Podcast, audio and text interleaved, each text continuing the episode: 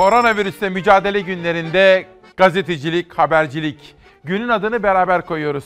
7 Nisan 2020 günlerden salı İsmail Küçükkaya ile Demokrasi Meydanı'na hoş geldiniz. Bugün manşeti Cumhurbaşkanı ve AK Parti lideri Erdoğan'dan aldım. Asıl büyük mücadele dedi Sayın Erdoğan. Bunu konuşacağız çok detaylı olarak. Türkiye'den ve dünyadan koronavirüse ilişkin haberler, manşetler, dosyalar. Mesela İngiltere Başbakanı yoğun bakım altında. Türkiye'den ve dünyadan rakamlar, başka televizyonlarda göremediğiniz detaylar, mesela ekonomi, mesela mesela üreten Türkiye konusunda sıkıntılar ve çözüm önerileri ve başka televizyonlarda göremediğiniz konuklar. Bugün yine demokrasi meydanında güne beraber başlayacağız. Asıl büyük mücadele edeceğiz. Fatih Terim'i aradım dün. Acaba Fatih Terim neler söyledi? Sizlere selamları var. Bunun dışında telefonum çaldı. Dün akşam ana haberden sonra arayan kimdi, ne diyordu? Her birini sizlere anlatacağım. Bugün stüdyomuza da konuklarım gelecek. İşte o halde hemen başlayalım. Asıl büyük mücadele. Yönetmen koltuğunda Hilal kardeşim var ve gazete manşetleriyle günün özetini sunuyorum.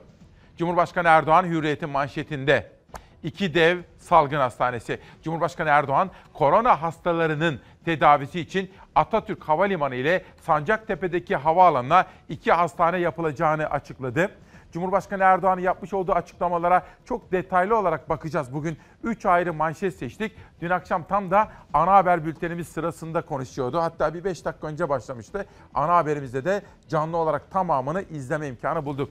Bunun dışında infaz sistemi bu konudaki öneriler, itirazlar ve destekler her birini sizlerle konuşacağız, detaylandıracağız. Köşe yazılarında da infaz sisteminden kimler faydalanacak, neler var?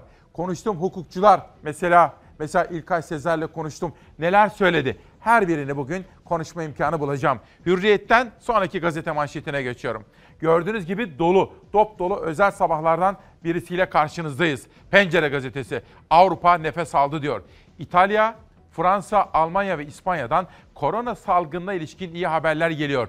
Avrupa'nın virüs salgınından en çok etkilenen ülkelerindeki yeni vaka sayılarında düşüş eğilimi var. Özellikle İtalya ve İspanya'dan az da olsa sevindirici haberler gelmeye başladı efendim. Geçelim bir sonraki manşetimize. Bugün bugün çok detaylı olarak ekonomi dünyasından haberleri sizlerle paylaşacağım. Dün burada Fatih Maçoğlu, Tunceli Belediye Başkanı konuğumuz olmuştu.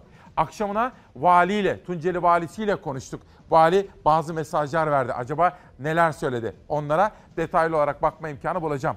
Dün tarım yazarı Ali Ekber Yıldırım'la üreten Türkiye konusunda açıklamalar yapmıştık. Bugün bütün siyasi partilerden, İyi Parti'den Gelecek Partisi'ne kadar üreten Türkiye konusunda çözüm önerileri geldi. Onlara da sizlerle konuşma imkanı bulacağım. Ve Antalya'dan tropikal meyve ve tropikal tarımcılık konusunda gelen bir sesi de sizlere izletme fırsatı bulacağım. İşte bakın pencerede yardımın önü kesilmemeli.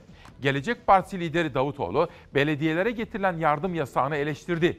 Böyle bir dönemde yardım edenin önü kesilmez. Sakarya depreminde bize kimse dur demedi. Deselerdi durur muyduk diye konuştu.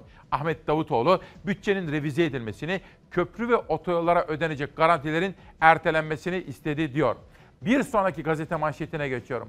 Bugün gazetelerde hangi detaylar öne çıkıyor? Esnaf. Esnaf çok zorda. Esnafa ilişkin haberleri sizlere anlatacağım. 2 milyon esnafın temsilcisi böyle isyan etti. Bendevi döken kapalı olduğu için elektrik ve doğalgaz tüketmeyen işletmelere ortalama alınarak fatura yollanacak olmasını sert dille eleştirdi. Esnafla ilgili bu haberi okuyacağım ama önce iyi misiniz efendim? Günaydın. Hızlı başladık değil mi? Bugün anlatmak istediğim çok manşetim var. Demokrasi meydanında konuklarım var. Dediğim gibi dün konuştuğum çok sayıda isim var. Fatih Terim'den çok önemli bir holdingi patronuna kadar. Kim ne söyledi? Halkımız, esnafımız neler istiyor? Her birini konuşacağız. Hazırsanız günün manşet yolculuğuna başlayalım. Merhaba, 75 yeni ölüm, 3148 yeni hasta. 7 Nisan sabahı itibariyle Türkiye'de salgının boyutu bu noktada. Hasta sayısı 30.217, hayatını kaybedenlerin toplam sayısı ise 649'a çıktı. Maskeniz yok mu? Maskeniz yoksa alamıyoruz. Maskenizi takıyoruz. Burada değil, maske Türkiye'de ilk vakanın görüldüğü 11 Mart'tan bugüne toplamda 202.845 test yapıldı. Her geçen gün artıyor test sayısı. Artan test sayısıyla birlikte vaka sayıları da artıyor. O vakalardan 1415'i yoğun bakımda, 966'sı ise solunum desteğine bağlı.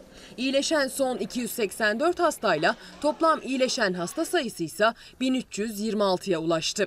Günlük test sayımız yakında 30 bini bulacak. İyileşen hasta sayımızdaki artış hızı devam ediyor. Artan test sayısına göre vaka sayısındaki artış düşük seyrediyor. Virüs gücünü temas ortamından alıyor. Virüse bu fırsatı tanımayalım. Evde kalalım. Salgının hızının azaltılması için özellikle sosyal mesafenin korunması gerekiyor. Yönetenler de uzmanlar da altını çizerek her gün tekrar uyarıyor. Mecbur kalmayan sokağa çıkmasın diye. Yoğun bakıma ihtiyaç her geçen gün artıyor. Hastalar arttıkça çünkü hastalar en az 2-3 hafta yoğun bakımda kalıyorlar. Yeni hasta geldikçe, yeni hasta geldikçe bunun kapasitesini aşacağını öngörmek zor değil. Dünyada da zaten örnekleri var aşıldığının örnekleri. İşte şu anda nedir kritik olan? Hani neden kimsenin dışarı çıkmaması gerekiyor? Bu yoğun bakım ve hastane kapasitesinin de aşılmaması gerekiyor. İsmail Küçükkaya ile Çalar Saat'e konuşan Türk Klinik Mikrobiyoloji ve İnfeksiyon Hastalıkları Derneği Genel Sekreteri Profesör Doktor Serap Şimşek Yavuz da kimsenin aşıya ilaca güvenmemesi gerektiğini söyledi. Tek çözüm evde kalmak dedi. Dışarı çıkması gerekenler için de maske zorunluluğu olan alanlar genişletildi. Tüm sağlık kuruluşlarında maskesiz bulunmak yasaklandı. Ziyaretçiler de hastanelere maskesiz giremeyecek. İstanbul'da alarmın seviyesi arttı. Bağcılar'ın 4 mahallesinde bulunan toplam 4 binada yaşayanların koronavirüs testleri pozitif çıktı. 4 bina tamamen karantinaya alındı. Siyasi parti liderleri de sağlıkları için sosyal mesafeye dikkat ediyor. Yine de virüsten kaçmak mümkün olmuyor. İyi Parti lideri Meral Akşener'in evinde çalışan yardımcısının testi de pozitif çıktı. Akşener ve eşinde ise virüs tespit edilmedi. Kendilerini izole ettiler. Evimizde 20 yıldır sigortalı olarak çalışan yardımcım COVID-19 belirtileri göstermesi üzerine hastaneye götürüldü ve yapılan test pozitif çıktı. Biz de yeniden test yaptırdık. Sonuçlarımız negatif. Türkiye'de salgının merkezi İstanbul. Evde kalın çağrılarına rağmen kamu çalışanları işe gitmek zorunda. Valilik düzenlemesiyle çalıştıkları süre boyunca kılık kıyafet yönetmeliği dışında kolay temizlenebilir giysiler giymelerinin önü açıldı. Vali Yerlikaya düzenlemeyi sosyal medyadan duyurdu. Adalet Bakanı Gülse 12 hakim savcıyla 55 personele yapılan COVID-19 testinin pozitif çıktığını açıkladı. Bakan Abdülhamit Gül video konferans yöntemiyle koronavirüse karşı alınacak tedbirlerin konuşulduğu bir toplantı gerçekleştirdi. Toplantı sonrası yapılan açıklamada duyuruldu. Toplam 77 adet adalet personeline koronavirüs bulaştı. Gül bu kişilerin sağlık durumları iyi, bir kısmı hastanelerde bir kısmı da evlerinde tedavilerine devam ediliyor bilgisini verdi. Bu önemli derlemeyi, toparlamayı Ezgi Gözeger yaptı. Biraz sonra dünyaya bakacağız. Beyza Gözeyik de dünyadaki gelişmeleri derleyip toparladı. Her bir ekip arkadaşıma ve danışmanıma, bütün ekip arkadaşlarıma içtenlikle teşekkür ediyorum. Asıl büyük mücadele. Bugün manşeti Erdoğan'dan aldım, Cumhurbaşkanı Erdoğan'dan. Bunu konuşacağız. Asıl büyük mücadele nedir? Ne olmalıdır? Ne yapmalıyız? Nasıl kenetlenmeliyiz? Her birini konuşacağız. Bugün yine tıp dünyasından önemli bir konuğum var. Bunun dışında demokrasi meydana davet ettiğim konuklarım da olacak efendim. Dün bizim ana haberimiz sırasında bir telefonum çaldı. Telefonum önemli bir holdingin patronuydu. Haberlerimizle ilgili bir açıklama hakkı vardı. Onu anlatacağım. Bunun dışında ben Fatih Terim hocamızı aradım, imparatoru. Onunla ilgili de size özel bir haberi anlatacağım, vereceğim. Ayrıca infaz sistemine ilişkin gelişmeleri de derleyip toparladık. Zafer Söken de infaz sistemindeki en son durum hem de Cumhurbaşkanı Erdoğan yaptığı açıklamalar, muhalefetten gelen açıklamalar her birini derleyip toparladık efendim. İşte bütün bu manşetleri sizlere anlatacağım. Şimdi esnafın haberini okuyalım. 2 milyon esnafın temsilcisi böyle isyan etti. Kapalı dükkanın elektrik doğalgaz faturası olur mu? Bendevi Palandöken, kapalı olduğu için elektrik ve doğalgaz tüketmeyen işletmelere ortalama alınarak fatura yollanacak olmasını sert dille eleştirdi. TESK Başkanı Palandöken, virüs nedeniyle dükkanını kapatan esnafın, siftahsız sefer yapan dolmuşçunun, 65 yaşa takılan bakkalın sorunlarına dikkat çekti. Esnaftan her gün yüzlerce feryat telefonu geldiğini belirten Palandöken, yakmadığın elektrik ve doğalgazın ortalama tüketimi mi olur? İnşallah yanlış anlaşılmadır, düzeltilir dedi.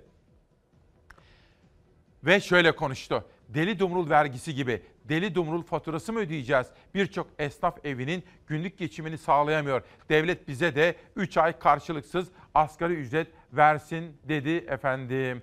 Geçelim Sözcü'den sonra Sabah gazetesine. Bakalım ne var? AK Parti lideri ve Cumhurbaşkanı Erdoğan'ın sözleri manşette üstesinden geleceğiz diyor. Sabahtan okuyorum. Zeynel Yaman imzalı manşet. Başkan Erdoğan'dan kararlılık mesajı. Bu salgının üstesinden gelecek imkana ve morale sahibiz. Vatandaşlarımıza ücretsiz maske dağıtımı başladı. Kesinlikle parayla maske satışı yasaktır. Marketlerde verilen maskeler de ücretsizdir. Maske stokumuz yeterlidir dedi. Tabii Erdoğan neden devreye girdi? Çünkü Ticaret Bakanı bir açıklama yapmıştı Ruhsar Hanım. Demişti ki vatandaşımız kolaylıkla satın alabilsin diye maskeleri her türlü tedbiratı aldık. Her türlü tedbiri aldık demişti ve bu sosyal medyada o kadar çok konuşuldu ki Cumhurbaşkanı devreye girmek ve PTT'ye talimat vermek durumunda kaldı. Parayla kimse artık maske satamayacak dedi Cumhurbaşkanı Erdoğan. Geçelim sabahtan sonra bir sonraki manşetimize. Karar Gazetesi'nde Gelecek Partisi lideri Davutoğlu var. Köprü garantisi virüs fonuna. Virüs salgını yüzünden ekonomik sıkıntıya düşen vatandaşa destek için hükümetin başlattığı yardım kampanyası ile ilgili bir kaynak önerisi de Gelecek Partisi lideri Ahmet Davutoğlu'ndan geldi. Köprü, otoyol ve havaalanı müteahhitlerine yapılan taşıt ve yolcu garantisi ödemeleri ertelensin dedi efendim. İşte böyle dop dolu bir günde başladık. Karantina günlerinde, izolasyon günlerinde, koronavirüsle mücadele günlerinde asıl büyük mücadele diyoruz İsmail Küçükkaya ile Çalar Saat'te. Hazır mıyız manşete? Manşeti izliyoruz. Güvenliğiniz için evlerinizden çıkmamanızı rica ederiz. Mesafenizi koruyun arkadaşlar. Sokakta, tarlada ya da kışlada yurdun dört bir yanında önlemler değişmedi. Koronavirüse karşı maskeler yüzlerde sosyal mesafenin korunmasına çalışıldı. Uymayana uyarı hatta ceza geldi. Çapraz oturtun. Şeylere mas şeylere çapraz oturtun. Eldiveninizi maskenizi takıyorsunuz. Bir de bu 3 metre mesafe yolu bunda. Aynen. Bunları sağlıyorsunuz tamam? Türkiye Covid-19 pandemisini yenebilmek için Mart ayından bu yana büyük bir mücadele veriyor. İzmir'in Buca ilçesinde 180 kilometrelik bir alan dezenfekte edildi. Sokaklar boylu boyunca ilaçlandı, pazarda maske dağıtıldı. Belediye Başkanı Erhan Kılıç çalışmalara bizzat katıldı. Başkanım kolay gelsin. Bursa'da 3 arkadaş sağlık çalışanlarına destek olmak için balkonda konser verdi. Ancak aşağıdaki park müziği duyup gelenlerle bir anda kalabalıklaştı, devreye polis girdi. Candan ile Çok teşekkür ederiz. Sağ olun. Polisimiz. Tamam tamam. Koruyoruz memur bey. Kolay gelsin size de. Mersin'in Tarsus ilçesinde de işveren çiftçi pırasa tarlasında çalışan işçilere sık sık sosyal mesafe uyarısında bulundu. Arkadaşlar sosyal mesafenizi koruyun. Birbirinize fazla yaklaşmayın. Kahramanmaraş'ta kumarhaneye çevrilen daireye polis operasyon düzenledi. Gözaltına alınan 15 kişiye kumar cezasının haricinde 3150'şer liralık sosyal mesafe cezası da kesildi. Yavaş bekle. Bekle bekle. Az az mesafe şey mesafe. Mesafe. Türk Silahlı Kuvvetleri de askeri hudut geçiş ve ikmal kapılarında alınan koronavirüs önlemlerine ilişkin bu görüntüyü paylaştı. Öksürük, boğaz ağrısı, nefes darlığı var mı? Yoktur. Erzincan'da servisle işe giderken araçlarındaki sosyal mesafe kuralını ihlal eden şoför ve yolculara para cezası kesildi. Cezaya itiraz eden yüze yakın kişi valilik önünde eylem yaptı. Ama eylemde de sosyal mesafeyi umursamadılar. Hayatta kimse yokmuş, yan yanaymış. Ee, onun için ceza yemişler. Kazım Ersoy isimli vatandaşsa İstanbul'daki evinde karantinada olması gerekirken iki hafta önce oğluyla beraber memleketi Rize'nin Fındıklı ilçesine gitti. Ersoy'a yapılan Covid-19 testinin pozitif çıktığı anlaşıldı. Bulunduğu apartman karantinaya alındı. Kazım Ersoy'un oğlu Mertcan Ersoy babasına testin sonucunun bildirilmediğini iddia etti. Testimizle alakalı pozitif çıktı mı çıkmadı ile alakalı kesinlikle bilgi verilmedi. Evimize gönderildik. Aslı yoktur. Kesinlikle bütün yapılan haberlerin hepsi yalandır. Yani.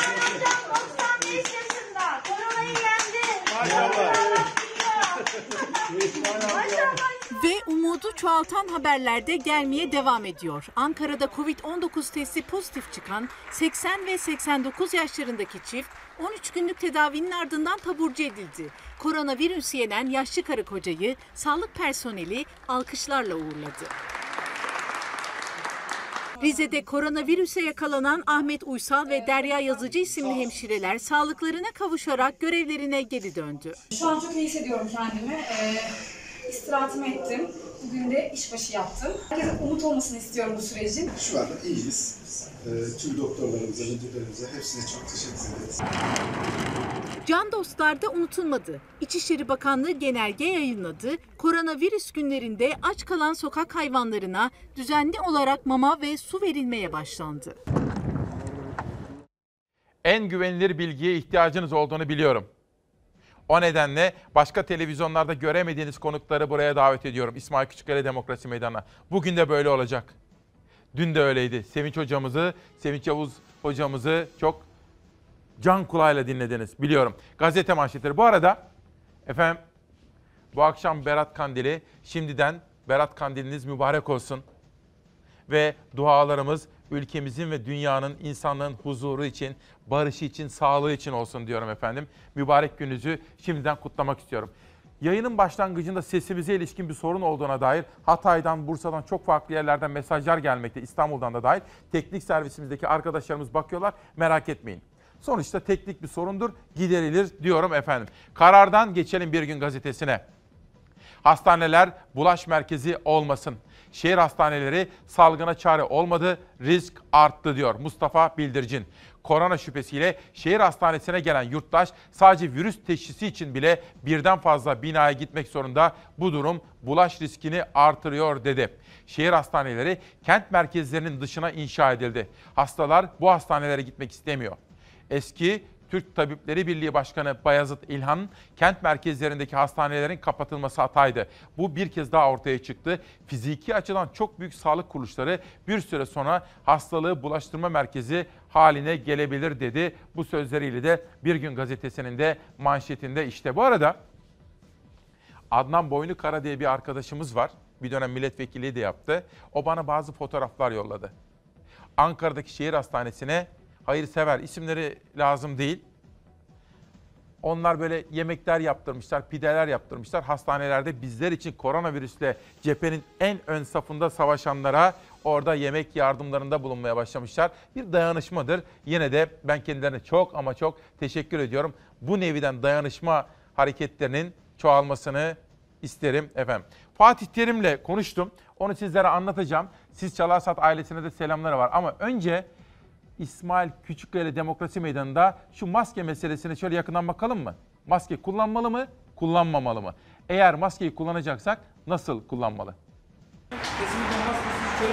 E-Devlet ve PTT aracılığıyla talep eden tüm vatandaşlarımıza ücretsiz maske dağıtımına başladık.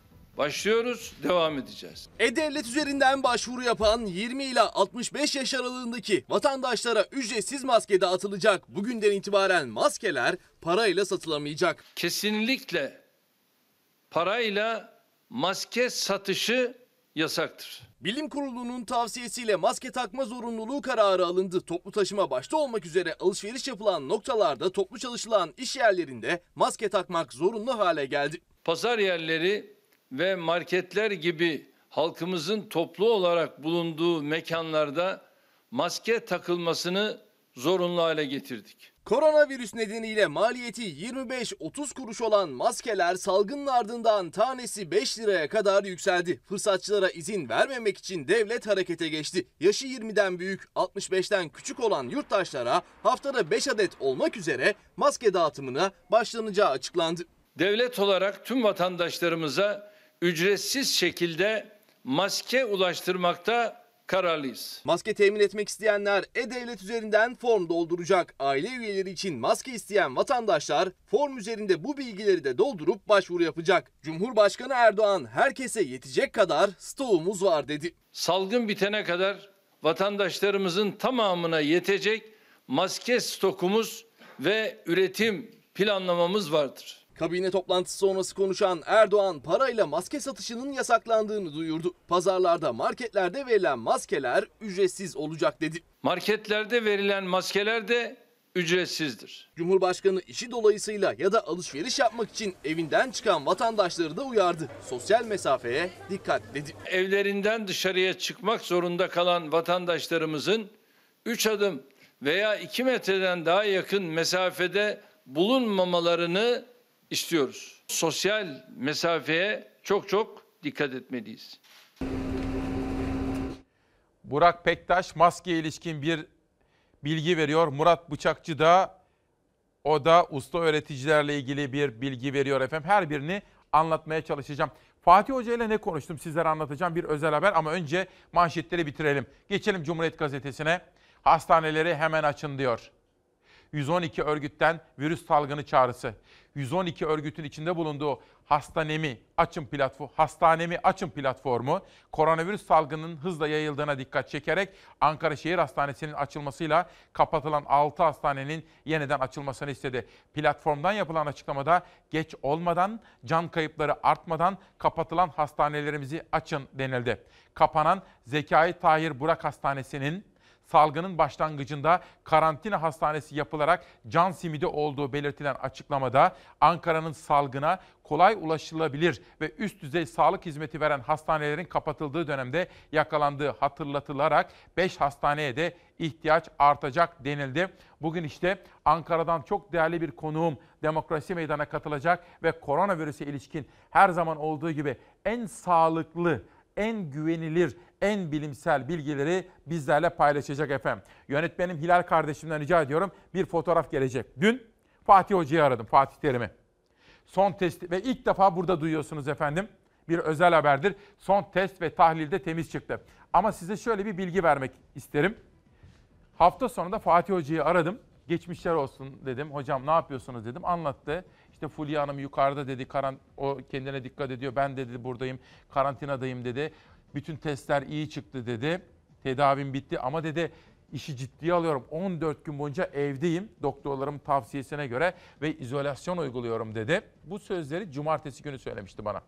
Fakat dedi ki pazartesi en son bir tahlilim de olacak evde. Bir test daha yapılacak. Ne olur ne olmaz dedi. Benim de aklımda kalmıştı. Dün hazırlıklarımı yaparken acaba ne oldu Fatih Hoca'ya diye aradım. Hocam geçmişler olsun nasılsınız dedim. İyiyim Allah'a şükür dedi. Hocam son test ne çıktı dedim. Şükürler olsun dedi. O da temiz çıktı dedi. Sonra bunu kullanabilir miyim hocam dedim. Durdu. Fulya Hanım dedi ki İsmail Bey'in hakkı bu dedi. Bunu kullanabilir. Dolayısıyla Fatih hocamıza ve onun şahsında bütün koronavirüsle mücadele eden ve tedavisi devam eden veya iyileşen hastalarımıza geçmişler olsun diyoruz. Dünyadan koronavirüs vakaları. Hazır mıyız arkadaşlar? İzleyelim dünyayı. İtalya ve İspanya'da koronavirüs nedeniyle bir günde ölenlerin sayısı düşüşe geçti. Virüsün Avrupa'ya en çok sarstığı ülkelerden gelen iyi haberler umut oldu. Çin'de ise ilk defa koronavirüs sebebiyle ölüm yaşanmadı. Yeni tip koronavirüsün neden olduğu Covid-19 salgınında hayatını kaybedenlerin sayısı 75 bine yaklaştı. Toplam vaka sayısı 1 milyon 300 binin üzerinde. Hastalığı yenenlerin sayısı da 279 bine ulaştı. Virüs Çin'de görüldükten sonra Avrupa'da İtalya'yı resmen kasıp kavurdu. Bugüne kadar 16.523 kişi yaşamını yitirirken salgını mücadelede iyi haberler üst üste geldi. Yoğun bakımdaki hasta sayısı ilk kez 4000'in altına indi.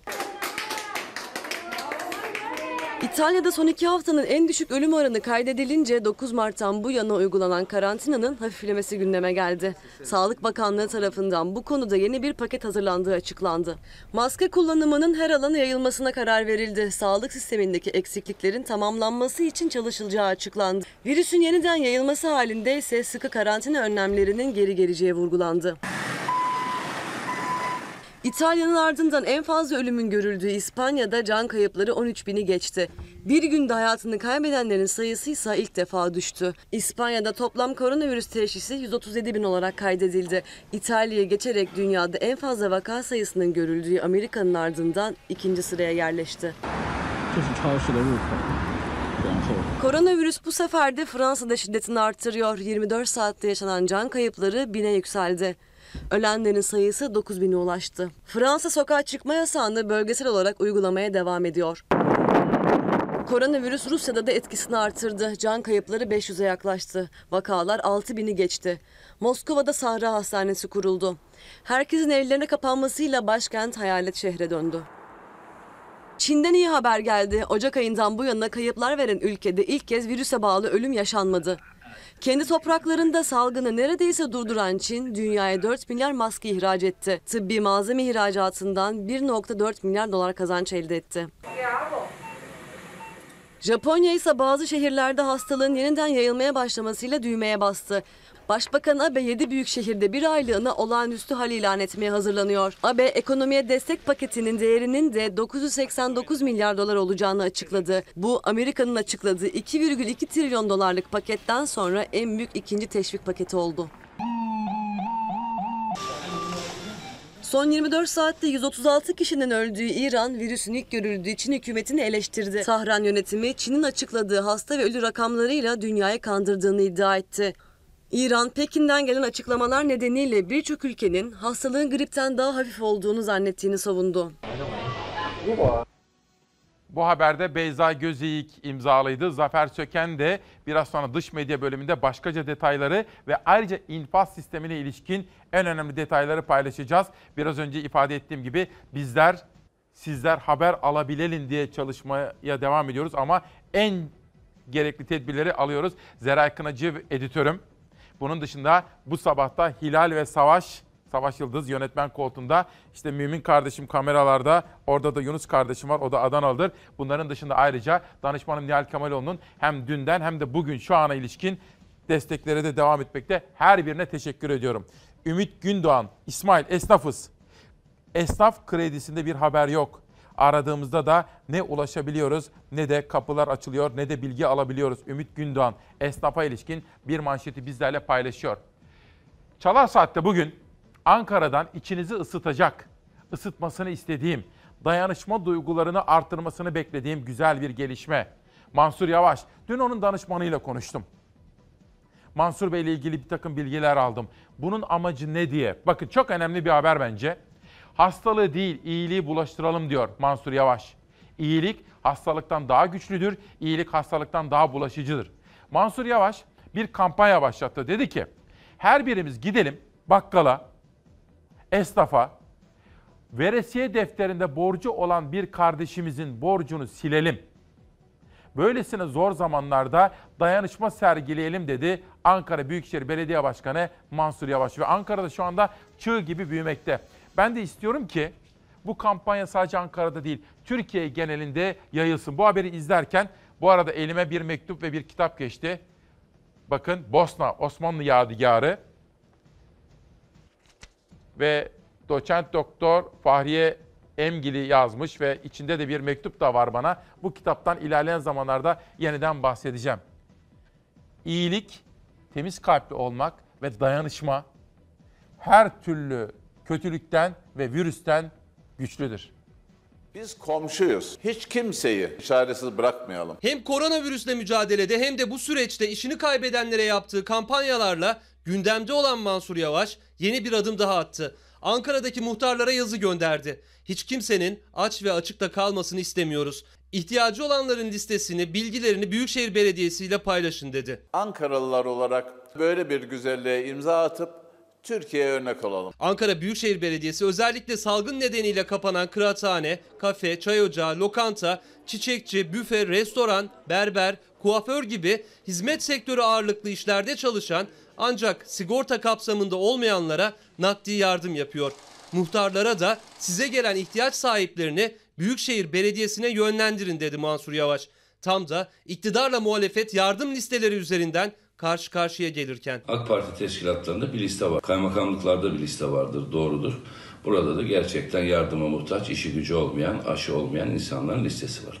Bu listeler koronavirüsünden önceki listelerdir. Dolayısıyla liste bizde var, ayrıca bir mekanizmaya ihtiyaç yok demek, durumun ciddiyetini fark etmemek demektir. Bu süreçte hükümetin elindeki listenin dışında olanlar ne yapacağını düşünüyordu kara kara. Mansur Yavaş muhtarlar aracılığıyla ulaştı ihtiyaç sahiplerine. Kısa süre içinde 1500 ihtiyaç sahibinin talebi Büyükşehir'e iletildi. 750'sinin ihtiyaçları hemen karşılandı. Pazarcılık, seyyar satıcılık yapıp tezgahını kapatmış olanlar, çocuk bakıcılığı ya da evlerde temizlik gibi günlük yevmiye ile çalışan kadınlar da Büyükşehir Belediyesi'ne başvurabilecek. Mahallenizdeki bakkala, kasaba veya manava gidin. Veresiye defterindeki bir ihtiyaç sahibinin borcunu ödeyin. Yavaş'ın ihtiyaç sahiplerinin bakkala, kasaba, manava olan borcunu kapatın çağrısı da yankısını buldu. Yardımseverlerin girişimiyle veresiye defterlerindeki borçlar tek tek silinmeye başlandı. Bakkallar, kasaplar Mansur Yavaş'ın başlattığı iyilik kampanyasıyla ödemesi yapılan veresiye defterlerinin fotoğraflarını paylaştı. İstanbul'a hizmet eden özel halk otobüsü esnafımıza 30 milyon TL destek ödemesi yapacağız. İstanbul Büyükşehir Belediye Başkanı Ekrem İmamoğlu da toplu taşıma sektörünün temsilcileriyle toplantı yaptı. İstanbul özel halk otobüsü esnafına 30 milyon lira destek verileceğini duyurdu. İyilik bulaşıcıdır efendim. İyi kalpli olalım. iyi duygularla hareket edelim. Bu arada benim de şahsen tanıdığım bir doktor aile Nihal Hamzoğlu ve Azmi Hamzoğlu koronavirüs tedavisi gördüler ve biraz sonra taburcu olacaklarmış. Her ikisi de tıp dünyasından bakın. Sevgili İsmail, hastalığı yendik şükürler olsun. Şu mesajı lütfen aktarır mısın Nihal Hamzoğlu'ndan? Lütfen kimse dışarıya çıkmasın. Bu zor dönemde doktorların yükü çok ama çok ağır. Çok büyük çok büyük bir özveriyle çok zor şartlar altında çalışıyorlar doktorlarımız. Çünkü Nihal ve Azmi Hamzoğlu 14 gündür hastanede tedavi görüyorlardı, gördüler. Hasta sayısının düşmesi ve virüs ile savaşımın en etkin yolu için insanlarımız evde otursunlar. Ve hepimiz bilim kurulunu dinleyelim. Bilim kurulunda Türk Tabipler Birliği de temsil edilsin böyle bir mesaj göndermiş efendim. Fuat İçbudak, İsmail Bey. Bakınız bu mesaj da önemli.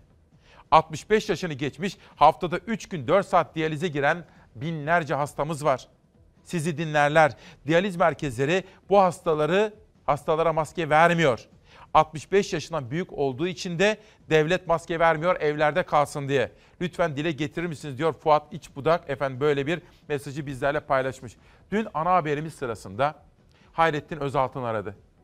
Haberimizdeki bir hususla ilgili bir bilgi vermem gerekiyor. Sorumluluğum var. Konu kendisiyle ilgili değildi. Hangi habere ilişkin hangi bilgiyi verdi? Ve ondan sonra ben kiminle konuştum? Maliye Bakanlığı'ndan hangi detayları sizlere aktaracağım? Önce reklamlara gidiyoruz. Reklamlardan sonra buluşuyoruz. Buluştuğumuz zaman dünyadan ve Türkiye'den en sağlıklı, en güvenilir, en bilimsel bilgileri burada konuşacağım. Başka televizyonlarda neredeyse hiç göremediğiniz bir bilim adamı, bir bilim insanı burada olacak.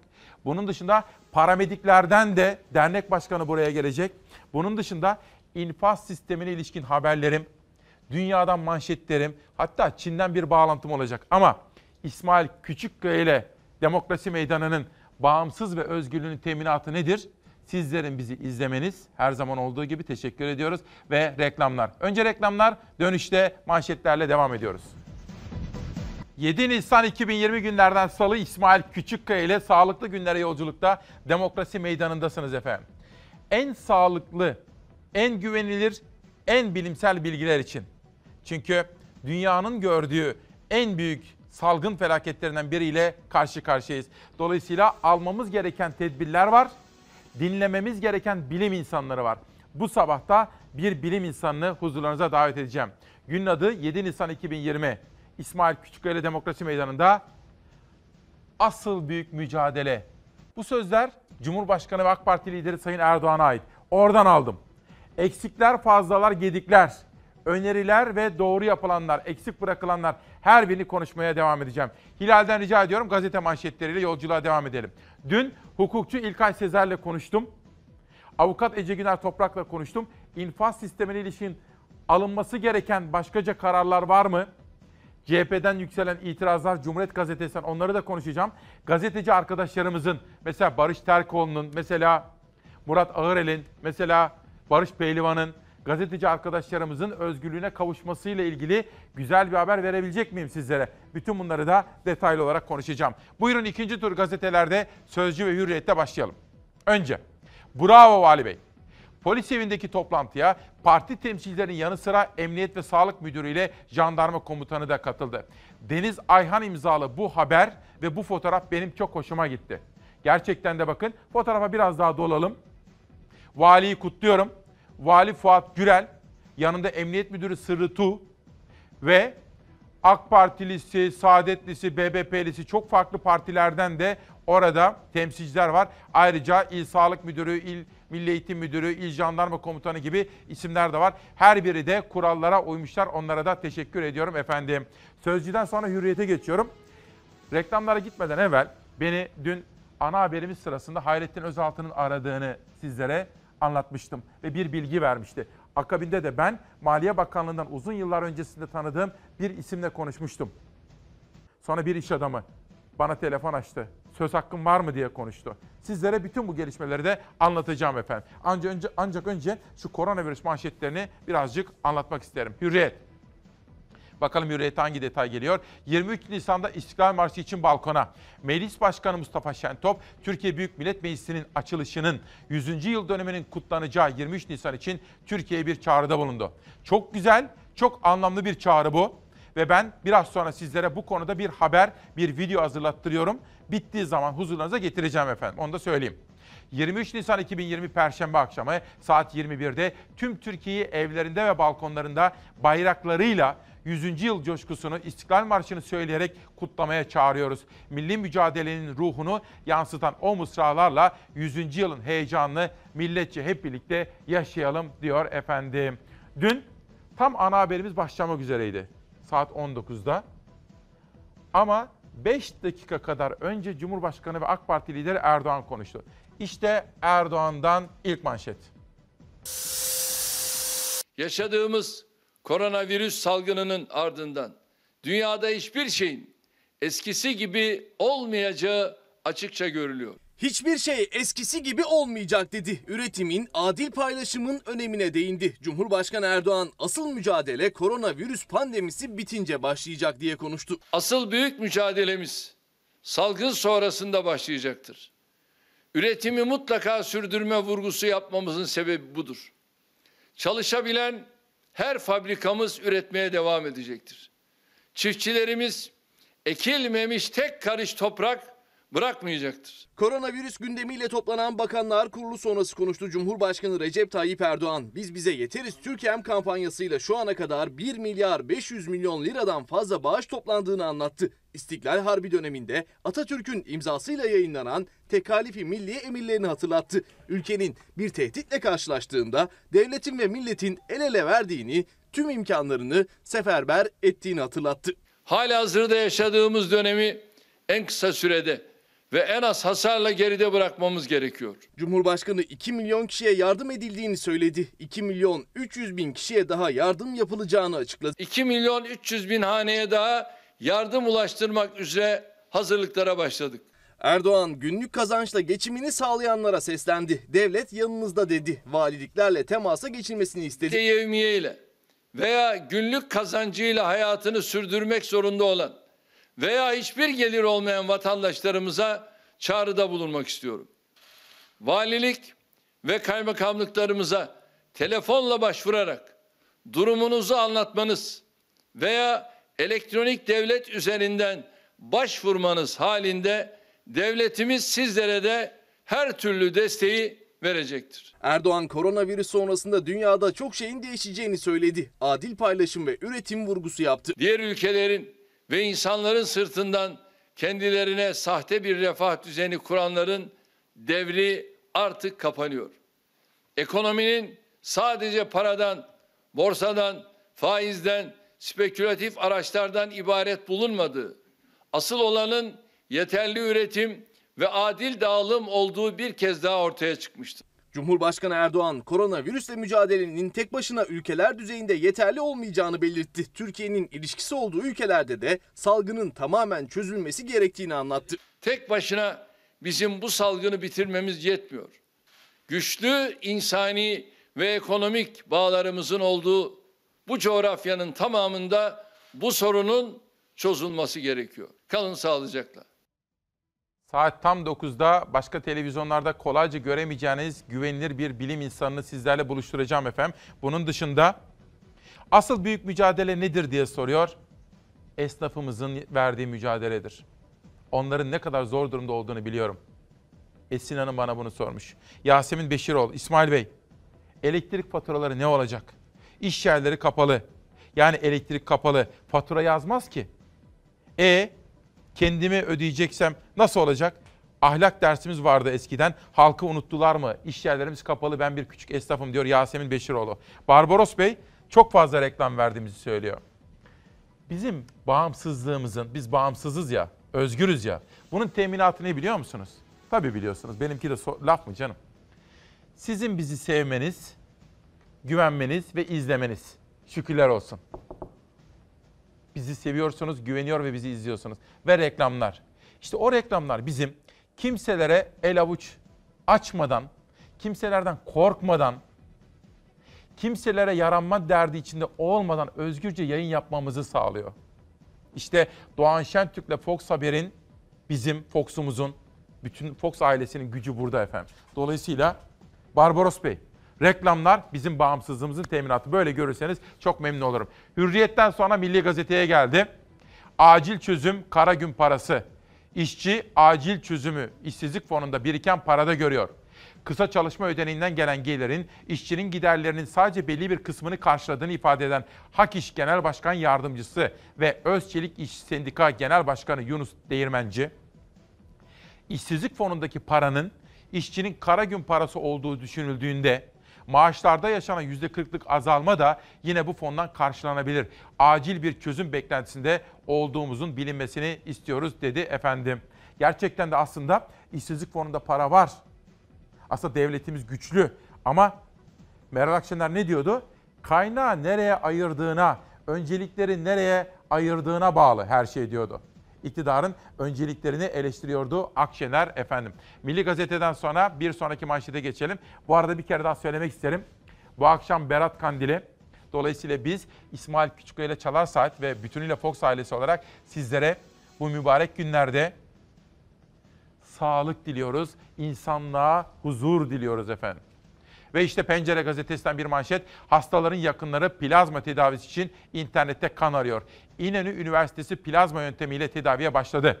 Ancak korona pozitif olan hastaların yakınları donör yani bağışçı bulmak için sosyal medyada neredeyse yalvarıyor. Peki iyileşmiş 1326 hasta nerede?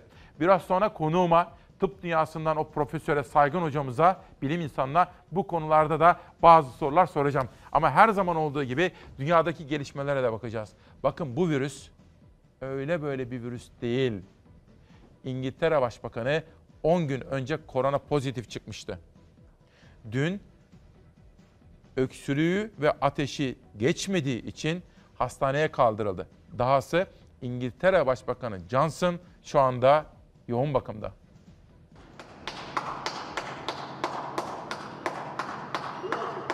Koronavirüse yakalanan İngiltere Başbakanı Johnson ateşi düşmeyince ve iyileşme belirtisi göstermeyince hastaneye kaldırıldı.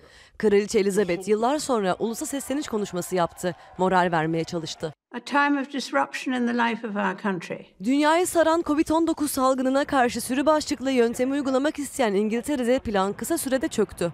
Koronavirüs testi pozitif çıkanlardan biri de sürü bağışıklığı yönteminin savunucusu Başbakan Boris Johnson'dı. Koronavirüsün hafif semptomlarını hissetmeye başladım. Ateşim yükseldi ve sürekli öksürüyorum. Yaptırdığım test pozitif çıktı. Johnson 27 Mart'ta hastalığa yakalandığını bu sözlerle duyurdu. Kendini karantinaya aldı. İngiliz lider başbakanlık konutundan bir tek sağlık çalışanlarına alkışla destek vermek için çıktı. Görüntüsü pek de iyi değildi.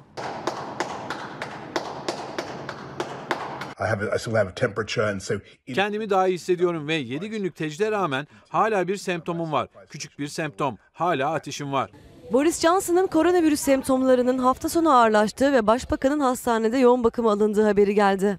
Haberler Johnson'ın durumu ciddi mi sorusunu akıllara getirirken başbakanın ekibi yoğun bakım haberlerini yalanladı. Boris Johnson da Twitter hesabından rutin bir kontrol için hastaneye gittiğini yazdı. Guardian'da yer alan habere göre ise Başbakan Johnson hastalığı ağır geçiriyor. Rus medyası da 55 yaşındaki Johnson'ın solunum cihazına bağlandığını iddia etti. Boris Johnson'ın yerine Dışişleri Bakanı Dominic Raab'ın vekalet etmesine karar verildi. Bakan virüsle mücadelede Johnson'ın planları doğrultusunda ilerleyeceğini vurguladı. Liderler ve politikacılar Boris Johnson'a geçmiş olsun dileklerini iletti. Kanada Başbakanı Justin Trudeau ve Avusturya Başbakanı Sebastian Kurz sosyal medya hesaplarında paylaşımlarda bulundu. Amerika Başkanı Donald Trump da üzüntüsünü dile getirdi. Dualarımız onunla dedi. Trump basın toplantısında İngiltere Başbakanı'nın hastalığının şok etkisi yarattığını ifade etti. Başbakan Johnson salgın ülkesine geldiğinde önce bir süre bekledi. Ardından hızlı bir karar verdi, çok sıkı karantina uygulamaları getirdi. Ancak bütün İngiltere şu anda büyük bir acı çekiyor ve zor zamanlardan geçiyor. Boris Johnson'ı iyi tanırım. O inanılmaz biri. Hastalandığı haberini duymak gerçekten şok etkisi yarattı. Çünkü yoğun bakımdan bahsediyoruz. Çok korkutucu bir durum. Herkes İngiltere Başbakanı'nın sağlığını konuşurken 93 yaşındaki Kraliçe Elizabeth ulusa sesleniş konuşması yaptı. Banttan yayınlanan konuşmada kraliçe sağlık çalışanlarına teşekkür etti. Salgınla mücadeleyi kazanmak için kararlılık mesajı verdi. Önümüzde hala zor günler olabilir fakat daha iyi günlerin geri dönecek olması bizi rahatlatmalı. Başaracağız ve bu başarı hepimizin olacak. İngilizlerse güneşi görünce yasakları hiçe saydı. Çok sayıda kişi parklara akın etti. Sosyal mesafe kuralı umursanmadı. Başbakanla aynı gün koronavirüse yakalandığını açıklayan Sağlık Bakanı Hancock halkı uyardı. Kurallara uyulmadığı takdirde dışarıda spor yapmayı yasaklayacaklarını söyledi. İngiltere'de koronavirüs sebebiyle toplam can kaybı 5000'i geçti. Evet, Nurettin Bey diyor ki ben esnafım. Diyarbakır'da dükkan kapalı. Belli ki gelecek ayda kapalı olacak. Ne yapacağım? Bu arada Aybüke Hanım bekler misin güzel kardeşim? Aybüke Hanım bizim cezaevinden gelen mektupları okuması konusunda kendisinden yardım istedim. Dayanışma zamanları. Çünkü ekibimiz de yarı yarıya azaldı ya. Ercan Çağlayan. Milletin elektrik, su, doğalgaz gibi faturaları. Faturalara bir bakın bakalım hangi bedeller var? Bir su faturası örneğin su bedeli, çevre temizlik vergisi, atık su bedeli, katı atık bedeli vesaire vesaire artı KDV, artı TRT payı elektrikte. Bakın bu da işte esnaftan gelen mesajlar. İki gazete manşeti Dünya. Destekler önce Kobe'nin hakkı. Müsiyat istihdamın korunmasına dikkat çekti. Tıpkı Disk Başkanı gibi, tıpkı Türk İş Başkanı gibi Hak İş Başkanı da, Müsiyat Başkanı da salgın etkileri 9 ay sürebilir diyen Kaan çağrı yaptı. Yeni döneme hazır olalım. İşçi çıkarmamamız gerekiyor. Bunun da altını çizelim. Dün Tunceli Belediye Başkanı Fatih Mehmet Maçoğlu ile üretimi konuştuk. İzmir'den bizimle canlı yayına bağlanan tarım yazarı Ali Ekber Yıldırım kendisi meslektaşım. Onunla üretimi konuşmuştuk. Tarımdan bir manşet geliyor şimdi Dünya Gazetesi'nde. Bugün ilerleyen dakikalarda esnaf ve üreten Türkiye konusunda haberlerim var. Ali Ekber Yıldırım imzalı bir manşet. Tarımda kritik sezon tohum toprakla buluşuyor. Covid-19'la mücadelede sağlık konusundaki çabalara eş zamanlı olarak gıda üretimi içinde çok önemli çalışmalar yapılıyor. Ülkeler öncelikle kendi yurttaşlarının gıda ihtiyacını karşılamak için tarımsal üretimin sürdürülmesi konusunda önemli destekler sağlıyor diyor Ali Ekber Yıldırım ve bir yeni politikaya, yeni bir tarıma ilişkin eylem planına ihtiyaç olduğunu söylüyor efendim. Bu konudaki haberleri ilerleyen dakikalarda sizlere anlatacağım. Geçelim bir sonraki manşete dünyadan sonra. Evrensel Gazetesi ayrım değil adalet. Bugün meclise gelecek infaz düzenlemesine tepki gösteren muhalefet, toplum vicdanında kabul edilmeyecek suçların kapsam dışı bırakılması çağrısı yaparken düşüncesini açıkladıkları için tutuklu olanların da serbest bırakılmasını istiyor. Dün İlkay Sezer'le konuştum bu konuyu. Detaylı olarak biraz sonra da anlatacağız efendim. Dün ana haberimizi izliyorum. Telefonum çaldı. Hayrettin Özaltın. Ben ekonomi muhabiriyim. Hürriyet'te, Sabah'ta ta eskiden. Hayrettin Bey'i de o zamandan beri tanırım. Dedi ki bak haberinizde dedi bir husus var. Hep saygı duyuyorum ama dedi bir bilgi vermem gerekiyor. Bir olayı anlattı bana. Hani dün akşam bir haberimiz vardı bizim. Aslında CHP'li bir milletvekilinin iddiası. Mehmet Cengiz'in vergi borçları silindi diye bir haber. Hayrettin bizzat yaşadığı bir olayı bana anlat. Hayrettin Özaltın. Dedi ki Mehmet Cengiz beni aradı. Hayrettin ben bir haksızlığa maruz kaldım. Maliye Bakanlığı'nda FETÖ'cüler var. Şu konuyu senin çok güvendiğin hesap uzmanı inceleyebilir mi? İncelemiş. Hayrettin Özaltın demiş ki sonra, hani olur da Mehmet Cengiz'e söyleyemezler. Dinledim bizzat diyor. Uzmanlar ona demişler ki iki kişiyi de tanıyorum. Sonradan anladım. Ta eskiden beri haber kaynağımdı Maliye Bakanlığı'ndan kişi. Adını da not aldım sizlere söyleyebilirim. Yüzde yüz haklı demişler. Hayrettin Özaltın dedi ki bak istediğinizi eleştirin. Siz Türkiye'nin nefes alma kanalısınız. Tamam saygı duyuyorum. Ama burada bir haksızlık yapılıyor. Yüzde bir bile ihtimal olsa dedi ben böyle bir konuşmayı yapamam. Meselenin ne olduğunu bana daha sonra o hesap uzmanı aradı. Çok detaylı olarak anlattı. Ben de sonra Mehmet Cengiz'i aradım. Nedir dedim bu işin aslı? Dedi ki güzel kardeşim iki kişi var. Bir tanesi FETÖ'cülükten atıldı.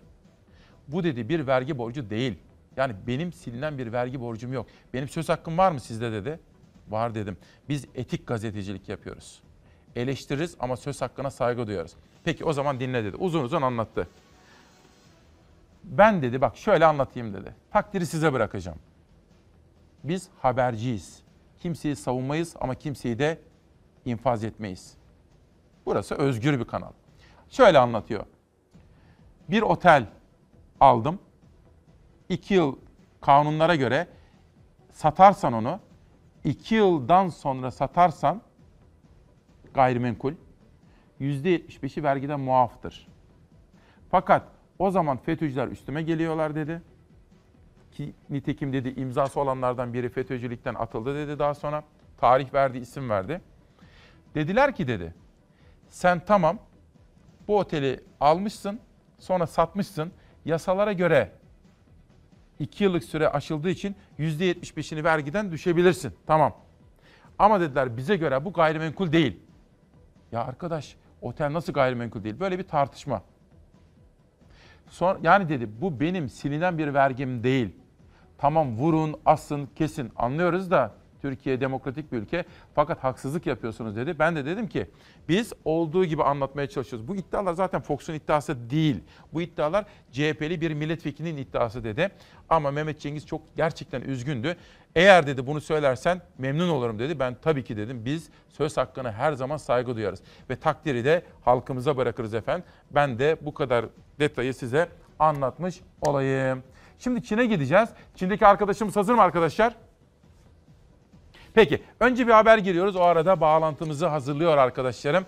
Mahsur kalanlara ilişkin bir detay var. İzliyoruz. Meleğim.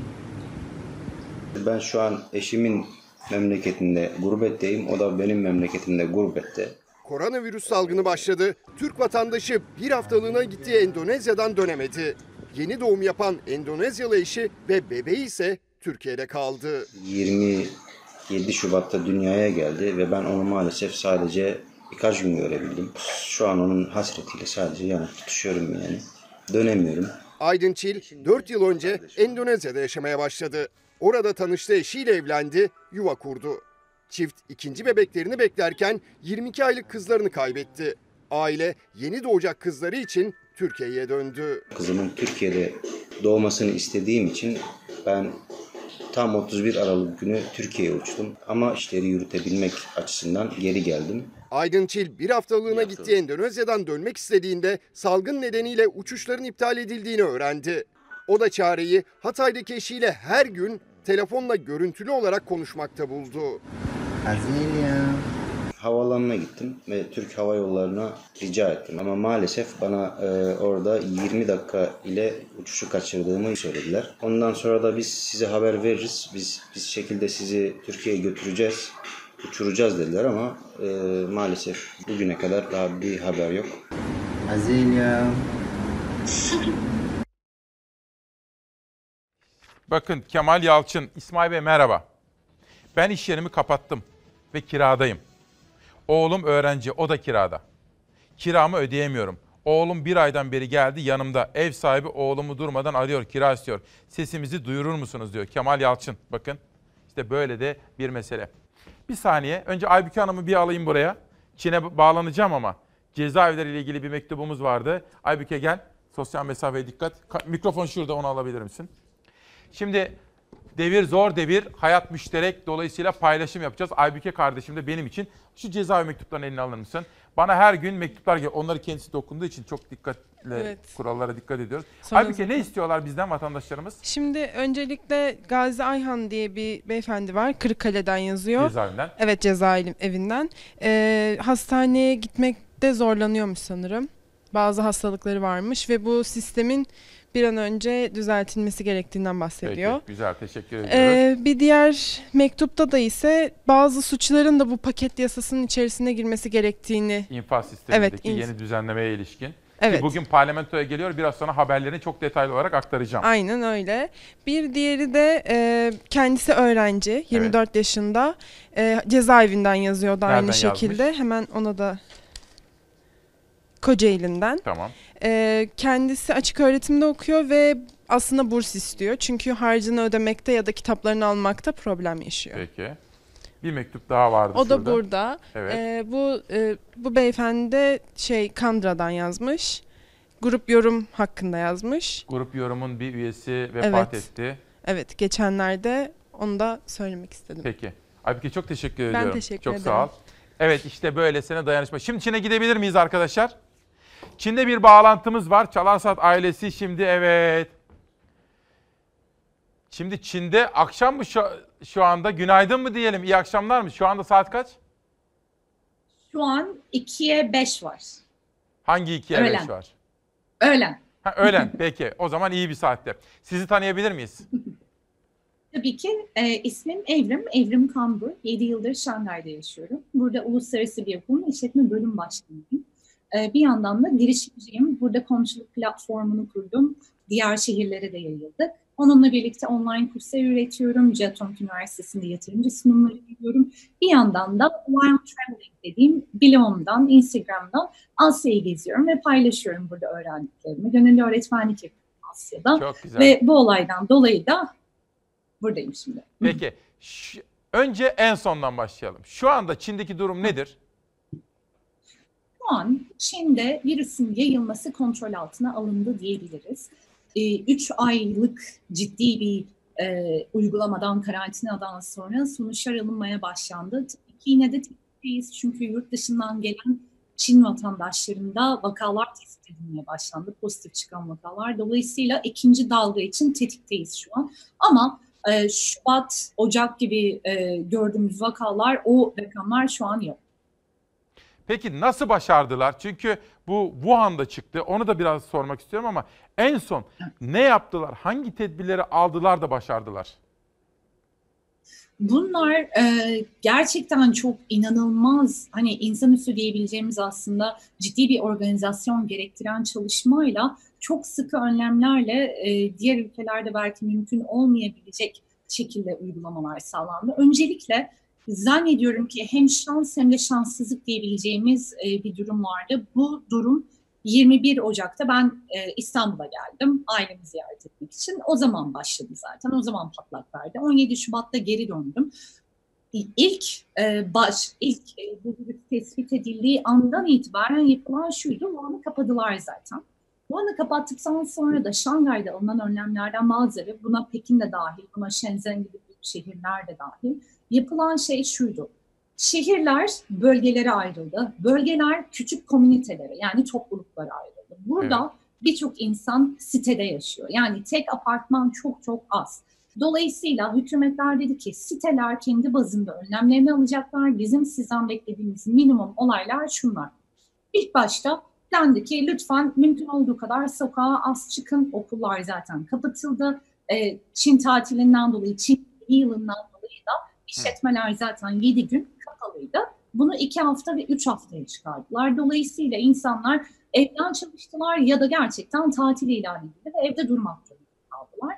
Bir süre sonra benim oturduğum siteye, sitede oturmayan kimseyi almadılar.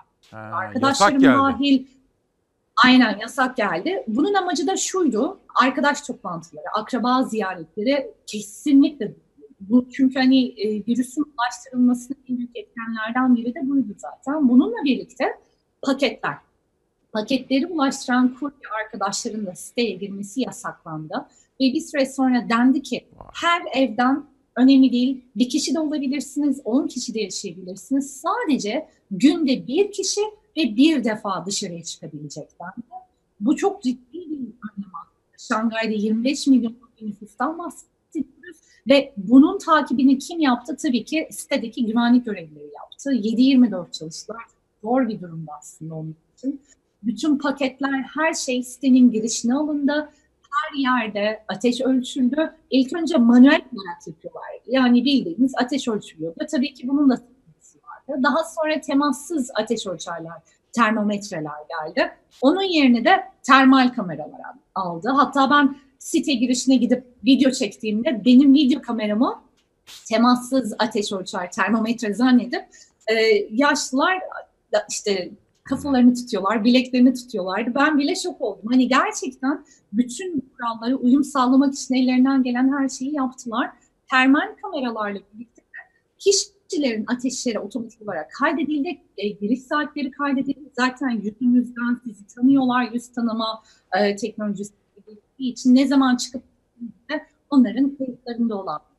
Bununla birlikte metrolar, otobüsler, eczaneler, herhangi e, hastane olabilir, açık o durumda süpermarket olabilir. Hepsinde ateş ölçüldü, isminiz yazıldı, kimlik bilgileriniz alındı, iletişim bilgileriniz alındı. Dolayısıyla burada önemli olan A ve C kişileri dediğimiz A birisi kapan, C'de A'nın arkadaşı olan kişileri bulmak kolaydı.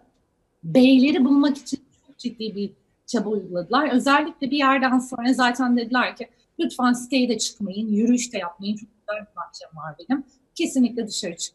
Ben geldiğimde 14 gün zorunlu olarak içeride durmam gerekiyordu. Bunu zorunlu demiyorlar tabii ki. Bunu diyorlar ki lütfen kurallara uyun. Site yönetimine size bu konuda çıkmamanız gerektiğini söylerse bu yasağı kırmayın. Pekin'de e, Çin asıllı Avustralya vatandaşı bir kadın ne yazık ki bu yasağı kırdı ve çalıştığı şirketi bile onu işten çıkarmak durumunda kaldı. Çünkü burada gerçekten halkının bir zinciri kırılırsa hepimize çok büyük bir etkisi olacak. O yüzden bütün bu önlemler çok ciddi bir şekilde alındı. Ben Çin'e geldiğimde e, daha bu kadar sıkı olmamasına rağmen kapıma doktor geldi. Bana doktor tahsis edildi. 14 gün evden çıkmamam için her şey yapıldı. Kapıma su getirildi, termometre getirildi, çöplerim alındı. Dolayısıyla insanlarda çok ciddi bir birlik e, oluşturuldu. Organizasyon zaten en tepeden en aşağıya kadar inanılmazdı. E, bir ara ben 14 günümü tamamladım, hasta oldum. Öksürmeye başladım tabii ki. Düşünsenize kafada Geçmiş inanılmaz olsun. sorular. Acaba bir şey mi oldu diye. Ama sorun yokmuş ama o zaman da herkes hastanelere gitmemek için elinden geleni yapıyor. Hani hastaneye gitmesin. Kimse gitmesin çünkü korkuluyor. Hani şu an bizdeki durum hani Türkiye'deki Evrim Hanım. gibi. Peki Buyurun. test yapıldı mı test mesela? Size veya Çin'de testin durumu ne? Biraz sonra Ankara'daki değerli bilim insanımıza da soracağım ama. Tabii. Tabii. Test- Şimdi burada şöyle, öncelikle e, öncü testler denilen kan testi ve göğüs filmi, tomografi çekiliyor, ona bakılıyor. Eğer orada bir sıkıntı varsa o zaman hemen test yapılıyor. Bana kan testi yapıldı, tomografi çekildi. Ee, inanılmaz organize bir ekip vardı zaten. Hiçbir şekilde vakit kaybetmedik. Testlerin sonucu hemen çıktı. Ee, dolayısıyla hatta benim e, göğüs filmimi çeken doktor dedi ki yüzde yüz temizsin, sigara kullanmıyorum ben. Dedim emin misiniz hani yapsak olmaz mı? Şöyle dendi bu testler çok önemli. Herkese yapmıyoruz. Seni tekrar bir 14 günlük bir gözetime alalım. Evde sıkıntı yok çünkü. Kimseyle paylaşmadığın için kimseyi bulaştıramazsın.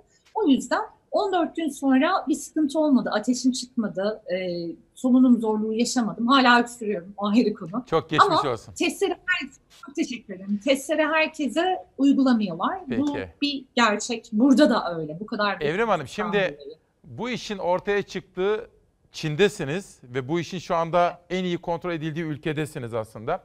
Biraz sonra Ankara'daki konuğumla da konuşacağım ama siz yaşadıklarınız kişisel tecrübe ışığında bize Türkiye'de yaşayanlara ne tavsiye edersiniz? Çok önemli. Ben bunu en baştan itibaren söyledim zaten. Instagram'dan an beyan e, paylaşımlarda bulunuyorum Wild Traveling diye. Çıktığı an dedim ki bu Çin'de de böyleydi. Çünkü vaka sayısı arttığı zaman kişilerin inisiyatifine bırakılamıyor. Maske takılsın takılmasın. 14 günlük kuluçka süresi var. Kimin hasta olduğu, kimin taşıyıcı olduğu bilinmiyor. Dolayısıyla Çin dedi ki herkes ama herkes maske takacak. Çünkü başka türlü savaşamayız ve herkes Maske, taktı. maske zorunlu. Maske zorunlu. Maskemizi takmamız lazım. Şu an Türkiye'de de vakalar artıyor. Dolayısıyla bu çok öncelikli bir durum. Şu an bütün Batı ülkeleri de bunu yavaş yavaş kabul etmeye başladı. Birincisi maske. İkincisi mümkün olduğu kadar ellerimizi bir yerlere e, bu asansör düğmesi olabilir, kapı kolu olabilir dokunmayalım. Mümkün olduğunca dirseklerimizi kullanalım. Mümkün olduğunca mümkünse eğer Bu eldiven şekilde değil mi? Çünkü Asansöre bile ben de böyle bu. basıyorum. Böyle düğmeye. Aynen aynen. Burada kalem kalem başlıkları kullanılıyor. Böyle kalem başlıkları. Tamam. Hatta buraya minik bir alkollü pamuk da konuluyor. Dokunuyorsunuz. Bitti. Peki. Tabii ki kolay değil. Ee, ama bu ikisi çok önemli. Bunlar bir tane daha bir şey söylemek istiyorum. Lütfen. Hatta iki tane. Lütfen. Ee, üçüncüsü çok fazla yalan haber dolanıyor. Ee, yalan haberden kastım da eski haberler tekrar tekrar gündeme Bilgi kirliliği geliyor. var. İnsanlar panik oluyor. Aynen öyle. İnanılmaz. Hani insanlara virüs ulaşmasa bile bilgi kirliliği her eve geliyor. Ve bununla savaşmak bir kişinin yapabileceği bir şey değil. Hepimizin görevi diye düşünüyorum. O yüzden birazcık daha araştırıp, bakıp, Peki. rasyonel düşünceden geçirip onu yapmamız lazım. İkincisi de e, zannediyorum ki bu dönemde empati. Çok sinirliyiz, hepimiz gerçekten sinirliyiz ama bunu doğru yere yönlendirip öncelikle tedbirimizlere, alacağımız tedbirlere odaklanmak çok önemli diye düşünüyorum. Kini, nefreti e, törpülemek, e, daha doğrusu bunları körüklemek çok da doğru bir şey değil şu dönemde. Çünkü herkes hızlı. O yüzden birazcık daha empatiyle bunu Çok teşekkür inşallah ediyoruz. atlatacağız. Evrim Hanım Rica sağ olun. Eksik olmayın katkılarınız için. Rica. Tekrardan geçmiş Teşekkür- olsun diyorum sizlere. Çok teşekkür ederim. Siz de Sağ kendinize olun. dikkat edin. Sağ olun. lütfen. Katkınız için çok teşekkür ediyorum. Şimdi Ankara'ya gideceğiz. Bir bilim insanına bu konuştuklarımızı da Çin tecrübesini de soracağım ama evdeyiz ya. Evde çok fazla kalmanın bazı öngörülmeyen olumsuz hususları da ortaya çıkmaya başladı maalesef. Evlerin kapıları kapandı. Korona günlerinde kapılar ardında yaşanan aile içi şiddetin oranı arttı. Emniyet Genel Müdürlüğü açıkladı. Kent sokaklarında asayiş suçlarda azalma kaydedilirken İstanbul'da aile içi şiddet geçen yılın aynı ayına göre %38 arttı. İstanbul Emniyet Genel Müdürlüğü verilerinden derlenen bilgiye göre koronavirüs pandemisi çerçevesinde alınan tedbirler ve evde kal çağrısı sonucu kentteki asayiş suçların genelinde azalış var. Tek artışsa %38 ile kadına şiddet vakalarında. İstanbul'da 2019'un Mart ayında 1804 aile içi şiddet olayı yaşanırken bu yıl aynı dönemde olay sayısı 2493'e yükseldi. Üstelik bunlar sadece resmi makamlara bildirilenler. Mart ayında günlük ortalama 80 aile içi şiddet olayı bildirildi merkezlere. İstanbul Emniyet Genel Müdürlüğü bu olayların %99'unun aydınlatıldığını duyurdu. İstanbul'da 2019 yılının Mart ayında toplam 13.535 asayiş olay yaşandı. Listede aile içi şiddet, açıktan hırsızlık, cinayet, yaralama, gasp, iş yerinden hırsızlık, otomobil hırsızlığı, otomobilden hırsızlık, evden hırsızlık, yan kesicilik, kapkaç ve dolandırıcılık suçları var. Listede bildirilen asayiş olayların toplam sayısı geçen yıl 13.538'di, bu yıl 11.578'e düştü. Asayiş olayların genelinde %14,5 azalma yaşandı. Sadece yan kesicilik olayları %59 azaldı. Ayrıca kapkaçta %49, evden hırsızlıkta %44, cinayette %36 azalma kaydedildi. Evet, şimdi Ankara'ya gideceğiz. Bir bilim insanını ağırlayacağız. Profesör Doktor Ahmet Saltık. Hocamıza bir günaydın diyelim ve sormak istediğimiz sorular var. Hocam günaydın. Şimdi sevgili Çalar Saat ailesi. Günaydın Sayın Küçükkaya. Sağ olun. Hoş gelmişsiniz Günaydın. hocam Ankara büromuza. Sevgili Çalar Saat ailesi. Ahmet Teşekkür Saltık ederim. hocamız Hacettepe'de başladı. Daha sonra İstanbul Tıp'ta. Daha sonra İngiltere ve hatta başka ülkelerde Amerika'da da bu konularda çalışmalar yaptı. Tıp dünyasının çok saygı duyduğu isimlerden bir tanesidir. Kendisi farklı alanlara da çok ilgi duyan, dünyayı takip eden bir bilim insanıdır efendim. Onu da altını çizelim. Yeri geldikçe ona ilişkin bazı bilgileri sizlere anlatacağım. Hocam ilk soru şu. Halka düşen nedir bu koronavirüs salgınıyla mücadelede devlete düşen nedir? Önce halka düşen nedir? Onunla bir başlayalım izin verirseniz. Çok teşekkür ederim öncelikle Sayın Küçükkaya bu Sağ fırsat için. Fox TV ve, ve size izleyicilerimizi de saygıyla selamlıyorum. Sağ olun efendim. Herkese sağlıklı günler dilerim.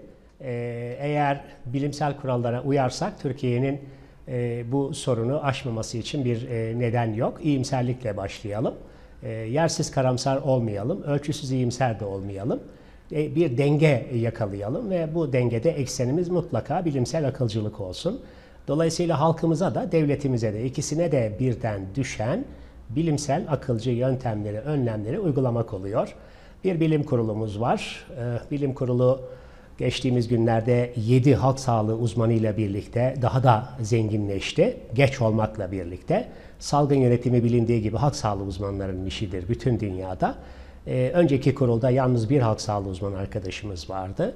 Bütün arkadaşlarımızın emeklerini elbette saygıyla selamlıyoruz ama şimdi daha doğru oldu.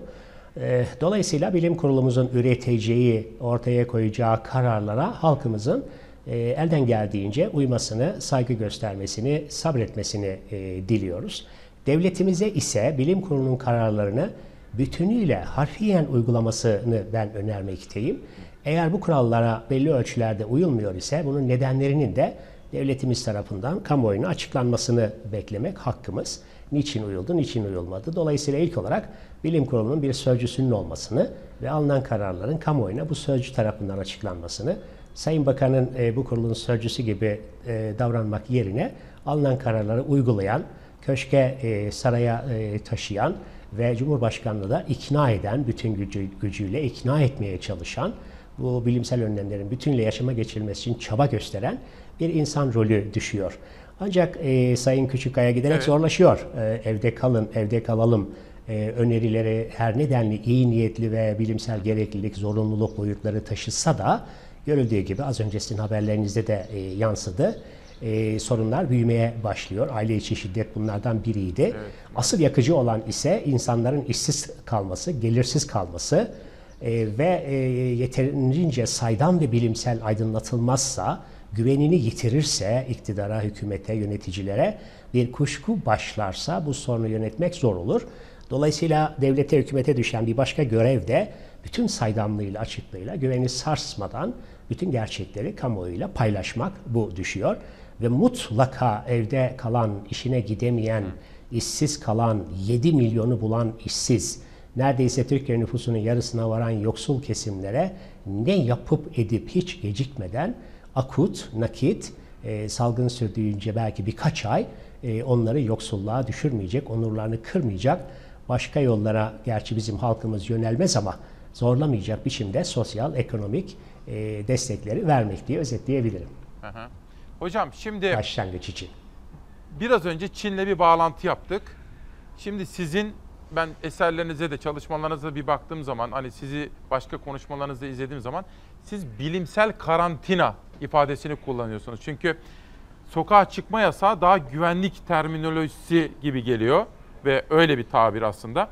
Bilimsel karantina yani evde kalma konusu. Bunu biraz açar mısınız? Siz neyi tavsiye edersiniz burada? Evet. Peki. Ee, yine teşekkür ederim bu soru için de. Ee, bir cümle e, şöyle bir girişe izin verin bana. Lütfen. Arkasından hemen sorunuza döneceğim. Bugün 7 Nisan e, değerli e, Küçükkaya ve Fox TV izleyicileri. 7 Nisan'ın önemi Dünya Sağlık Örgütü'nün 1948'de kuruluş yıl dönümü. Dolayısıyla Büyük İkinci Dünya Paylaşım Savaşı'nın ardından Birleşmiş Milletler'in kuruluşu ve örgütlenişiyle birlikte bir Dünya Sağlık Örgütü'ne sahip olduk. Bu sözlerimi bağlayacağım sizin sorunuza. Tamam.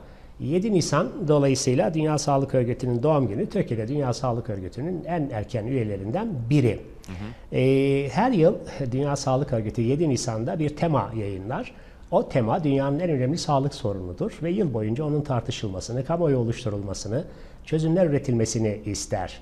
Ee, bugün yayınladığı gece e, Türkiye saatiyle geç vakitlerde gece yarısından sonra yayınladığı iletide Dünya Sağlık Örgütü bu yılki temanın sağlık insan gücü olarak belirlediğini görüyoruz. Bir daha söyleyin sağlık, hocam. Sağlık insan gücü. Sağlık insan gücü. Sağlık insan gücü. Peki. Evet, sağlık insan teknik terim böyle. Tamam. E, health manpower, sağlık insan gücü. Dolayısıyla e, kritik e, e, konunun ya da olgunun sorun alanının sağlık sektöründe sağlık insan gücü olduğuna vurgu yapıyor.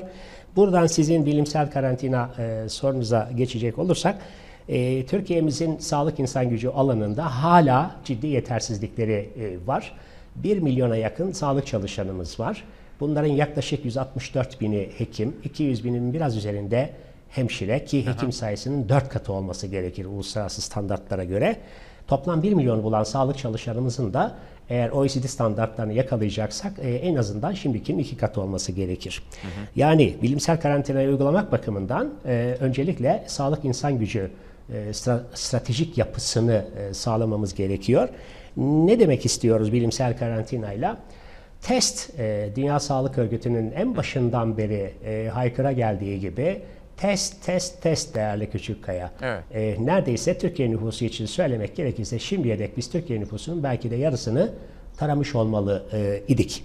E, dünyadan rakamlar birkaç tane fikir vermek için izninizle paylaşayım. Örneğin ABD'nin e, daha düne dek yaptığı test sayısı 2 milyona yaklaşıyor. 1.9 milyonu e, bulmuş durumda. E, İspanya'da, İtalya'da Türkiye'nin çok üstünde örneğin İtalya'da 700 bin test söz konusu. Atlayarak geçiyorum zamanı iyi kullanmak için. İsviçre küçücük bir ülke biliyorsunuz ama 160 bini aşkın test yapmış. Son örnek Birleşik Arap Emirlikleri'nden. Birleşik Arap Emirlikleri e, 9 milyon kadar nüfusu var. 220 bin test yapmış durumda. Türkiye ise e, şimdiye dek 180 bin test yapmış durumda ve bu test rakamları son günlere yığışmış bir biçimde.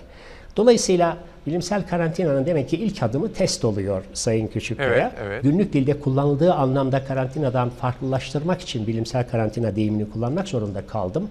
E, aslında karantina karantinadır. Onun bilimseli e, olanı veya olmayanı yoktur. Ama bizim günlük kullanımımızda a, anlamından çok saptığı iç- için böyle bir kavramı tanımlama gereği duyduk.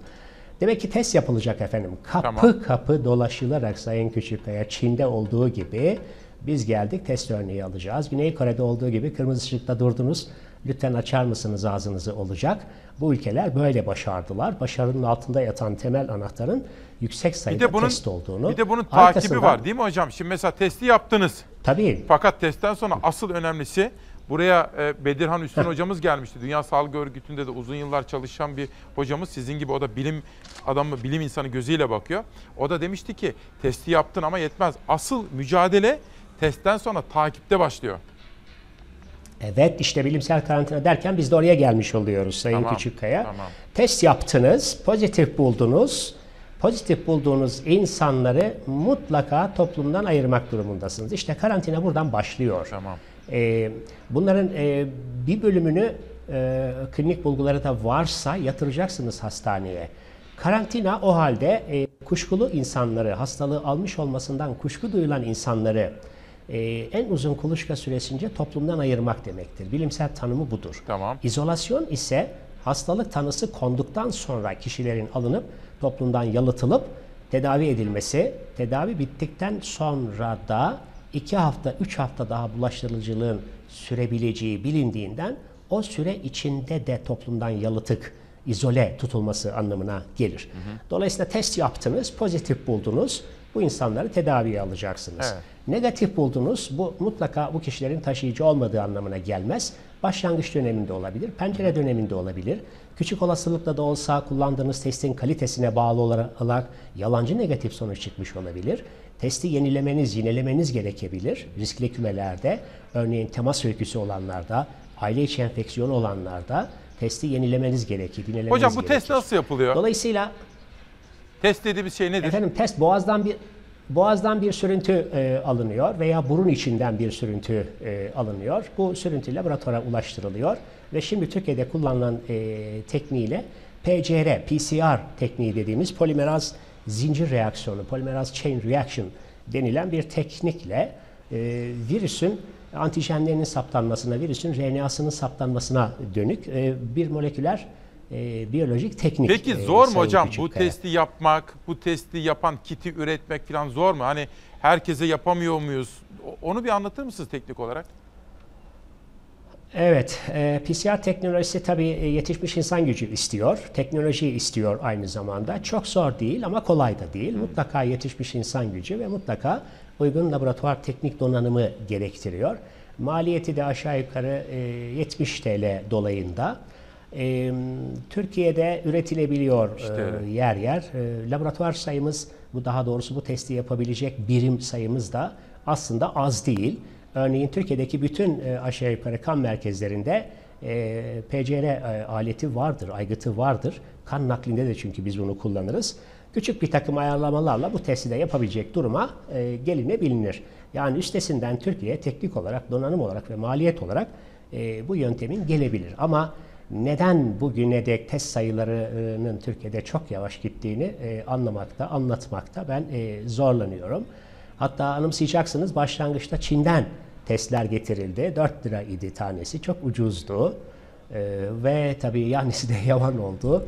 Ee, yüksek düzey, düzeyde yalancı pozitif Sonra hocam biz Çin'e Çin'e satmışız. yala- Şey, e, Yalancı net- affedersiniz Evet, Amerika'ya öyle- Amerika'ya ihraç etmişiz biz. Evet bir de öyle bir hata yaptık. Ee, e, salgın gelmişken kapıları sınırları zorlamaktayken elimizdeki test kitlerinden bir bölümünü e, sattık. E, ayrıca hangi testi kullanacağımıza Çin'deki 31 Aralık e, 2019 gecesinde Dünya Sağlık Örgütü'ne bildirilen 44 olgunun arkasından hemen alarm zillerini çalıp hazırlığa geçmedik Sayın Küçükkaya. Evet. E, hangi testi kullanacağımıza yangın devam ederken deneme yanılmayla o olmadı bu, o olmadı bu ile ancak gelebildik.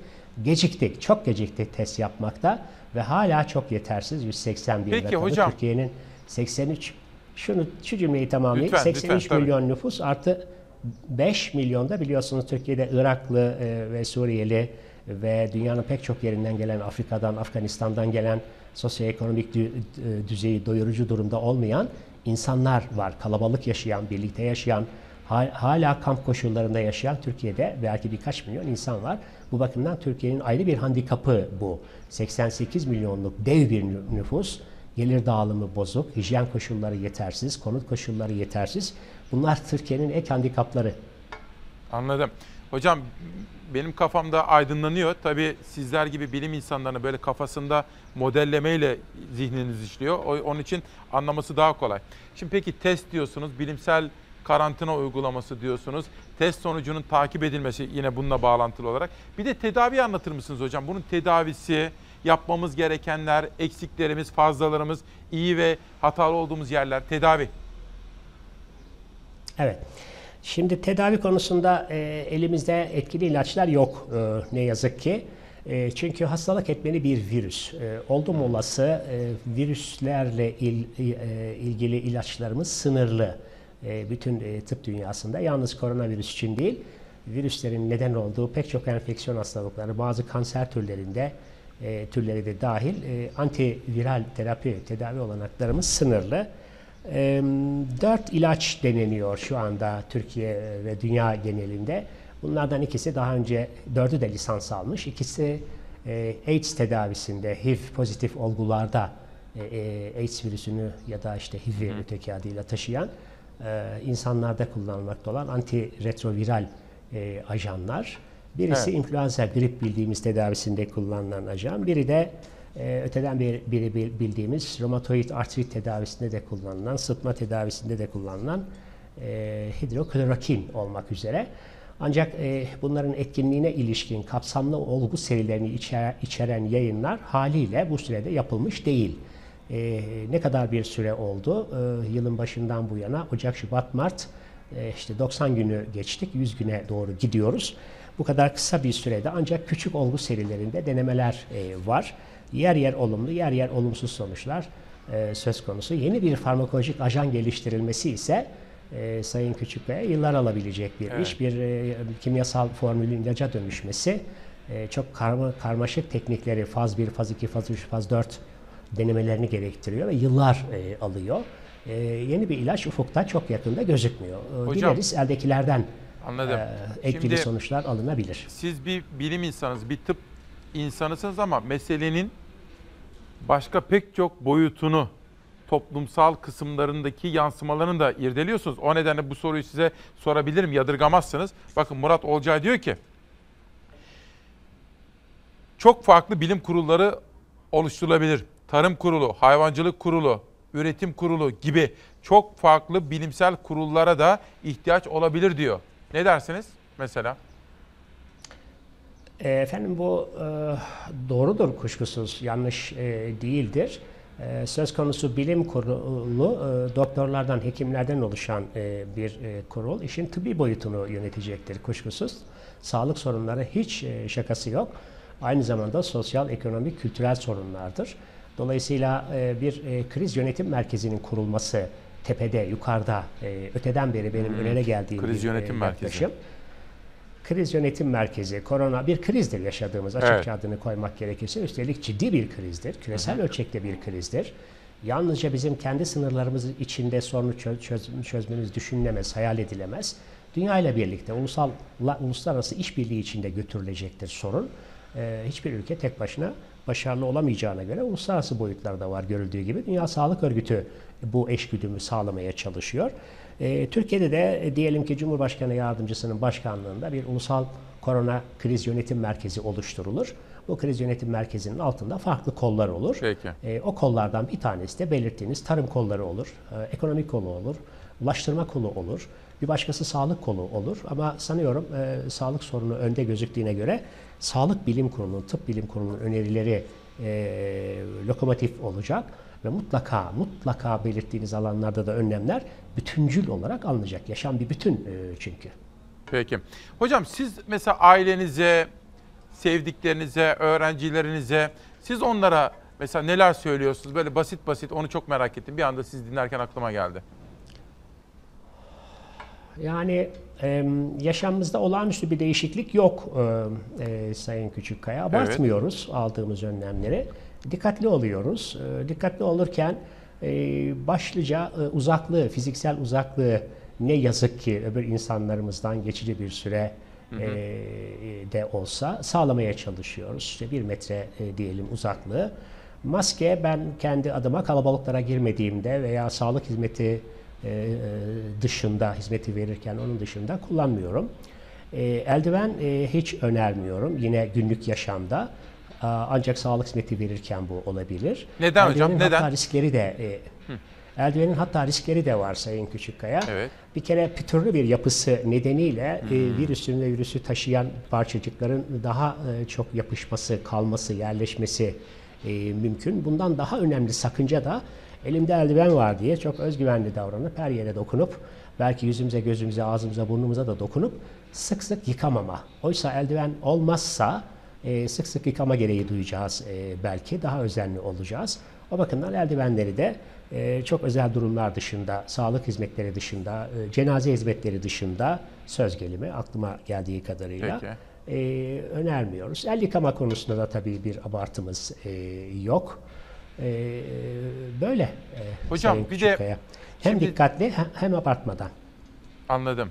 Paniğe kapılmadık ama tedbir aldık. Böyle bir yaklaşım. Hocam siz Hacettepe'de başladınız fakat daha sonra İstanbul Tıp'ta devam ettiniz. Ve bizim geçen hafta yitirdiğimiz çok kıymetli bir hocamız Cemil hocamız Cemil Taşçıoğlu'yla da sınıf arkadaşısınız. Ben bugünlerde her zaman öyledir ama bugünlerde sizin gibi doktorlarımızı, bilim insanlarımızı ağırlarken sadece doktorlarımız değil, hemşirelerimiz, hasta bakıcılarımız da dahil. Tabii içimden nasıl böyle bir teşekkür etme hisleri geliyor. Size de çok teşekkür ediyorum. Peki sağlık çalışanları açısından bir değerlendirmenizi alsam hocam. Onlara çünkü biz minnettarız ve onlar cephenin en ön safında savaşıyorlar. Onlar için ne yapabiliriz? Ben vatandaş olarak veya devletimiz, Sağlık Bakanlığı ne eksikleri var, ne fazlaları var? Nasıl destek olabiliriz? Ee, çok teşekkür bu empatik yaklaşım için. Bu yaklaşımınız bile başlı başına çok değerli Sayın. Küçükkaya. Ee, kuşkusuz bir yurt görevi yapıyoruz. Ee, profesyonel, e, yasal ve etik sorumluluklarımız var, yükümlülüklerimiz var. Biz sağlık çalışanları mesleğimizi seviyoruz. Ee, yaşamımızın ortasında, felsefemizin e, tam da e, odağında insanı yaşatmak var.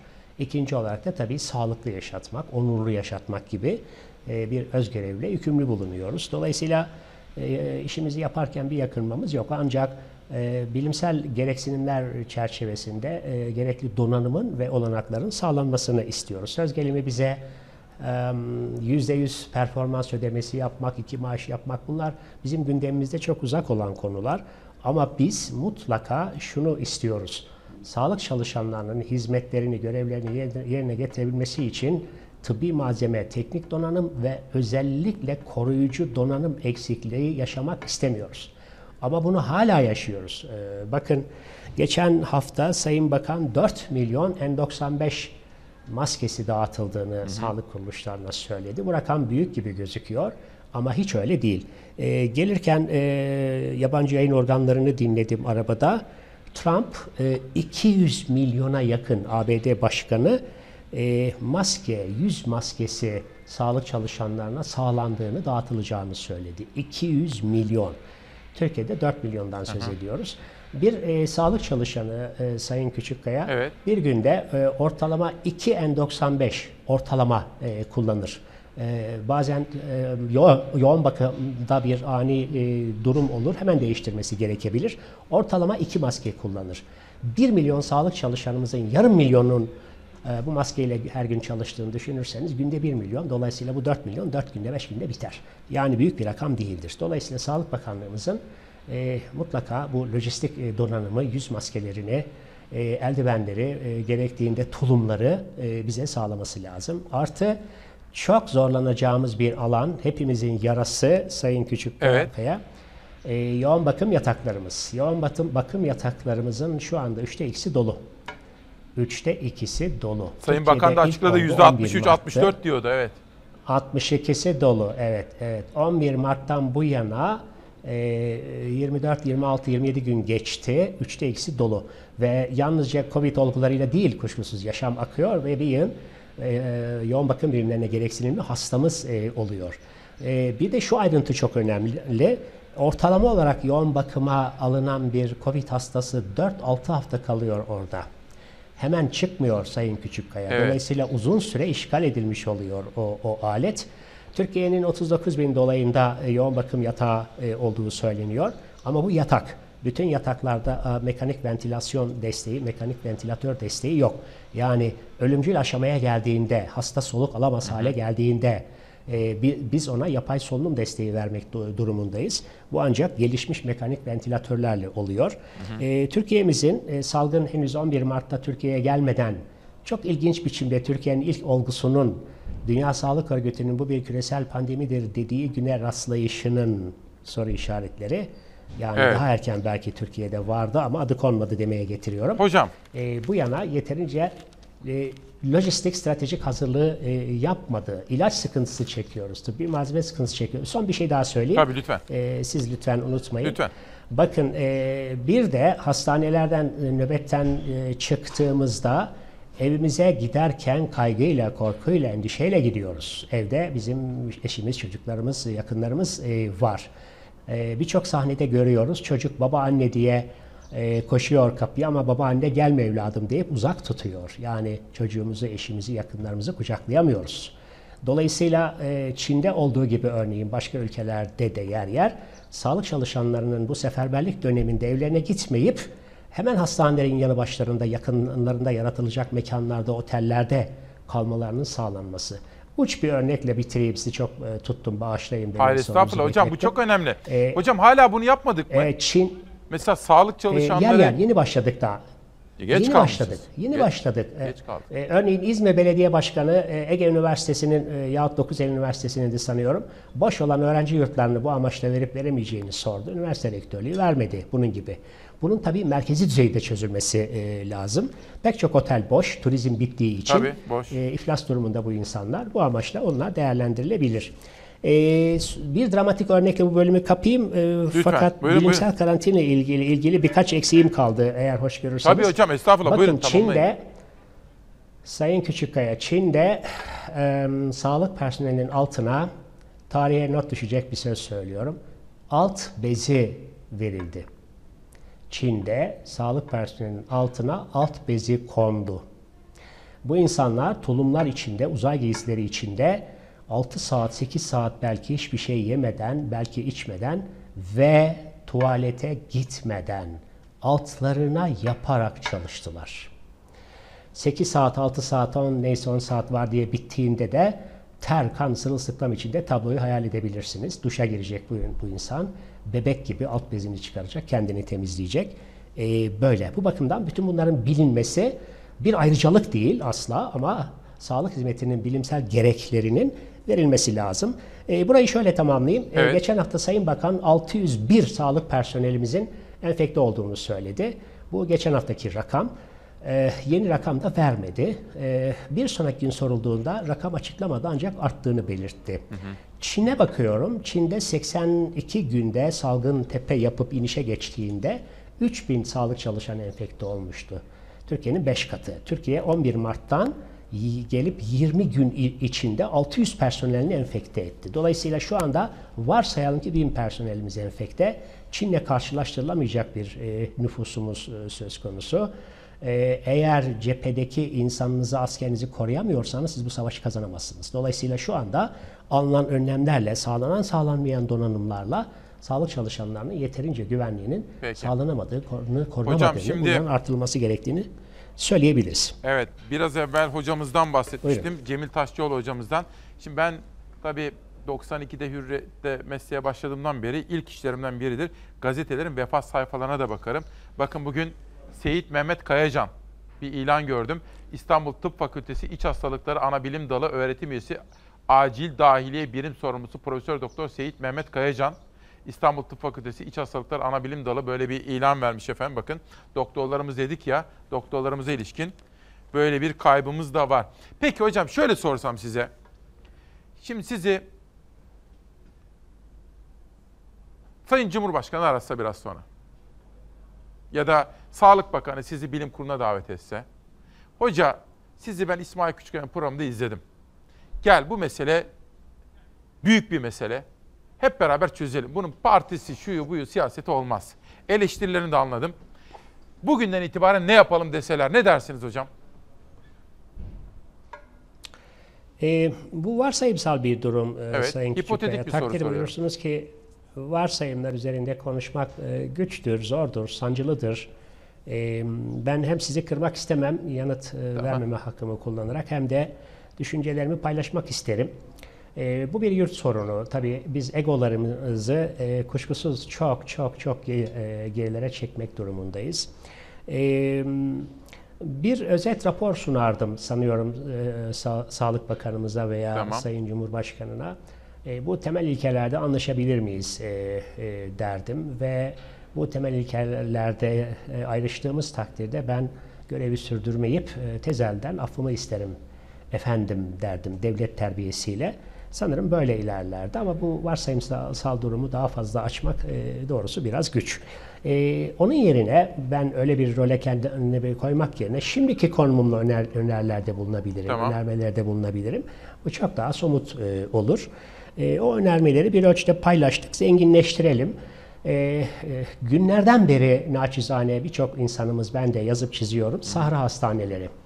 Türkiye'nin kritik yerlerinde kurulsun diye bakıldığında arşive görülecektir. Kaç Dün yerde, Sayın Cumhurbaşkanı iki yerde söyledi efendim. Bir tanesi Atatürk Havalimanı. Nihayet. Onu kabul etti. Bir Nihayet. tane daha vardı. Nihayet. Yedikapı'da mı? İkisi de Sancaktepe'ydi. Sancaktepe'de. İkisi de İs- ikisi de İstanbul'da biner yataklı. Bakın ama bakın e, İsmail Bey e, eleştirmek istemiyorum. Hep yapıcı olmak istiyorum ama şu soruları seslendirmeden de olmuyor.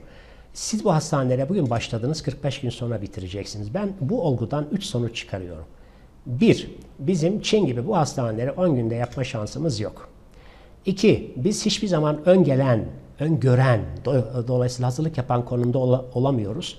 Akıntılar bizi nereye sürüklerse ona karşı tepkisel, reaktif tutumlarla şimdi olduğu gibi e, ilerliyoruz. Üç, bu hastane 45 gün sonra biteceğine ve eğer hesaplar yanlış değilse hala bu hastanelere gereksinim olacağına göre demek ki bu salgın Türkiye'de en az daha 45 gün devam edecek. 45 gün sonra o hastanelere e, var olan hastanelerimiz dolmuş olacak ve gereksinim duyacağız gibi bir çıkarım içinde bulunuyorum. Dolayısıyla şu soruyu sormak hakkım. Sağlık Bakanlığı'nın bu, bu tür salgınlar için, afetler için, olağanüstü durumlar için nerede olağanüstü hal planları, nerede ABC planları, eğer bu planlar var idiyse e, neden Sahra e, hastaneleri hemen ilk günden önce, ilk olgudan da önce hazırlık için kurulmadı? Neden Türk Silahlı e, Kuvvetleri'nin sağlık örgütü dağıtıldı? Sayın Küçükkaya, Türkiye'de tıp eğitimi e, askeri tıbbi olarak 1827'de başlamıştır. ve askerlerimizin Sahra sağlık hizmetleri konusunda dünyanın hiçbir ordusunda olmayan muazzam bir deneyimleri ve lojistik birikimleri vardı. O Sahra hastanelerini eğer 15 Temmuz sonrası silahlı kuvvetlerin sağlık birimleri dağıtılmamış olsaydı inanın bana abartmıyorum bir hafta içinde kurarlardı. Bir hafta içinde askeri Sahra sağlık hastanelerini kurarlardı. O birikimi dağıttığımız için bakın bugün 45 gün. Yine ABD'ye bakalım. E, donanma e, hastane gemilerini New York'a gönderdi Trump. Bin yataklı hastane gemi. Ordu New York sokaklarında, ordu Paris sokaklarında. Ordunun ciddi bir sağlık örgütlenmesi var ve bu salgında ülkenin güvenliğini koruma bağlamında olduğu gibi e, sağlık hizmetlerinde de koşuyor. O bakımdan askeri e, sağlık birimlerinin tekrar eski yapısına döndürülmesinde de burada büyük yarar e, görüyorum.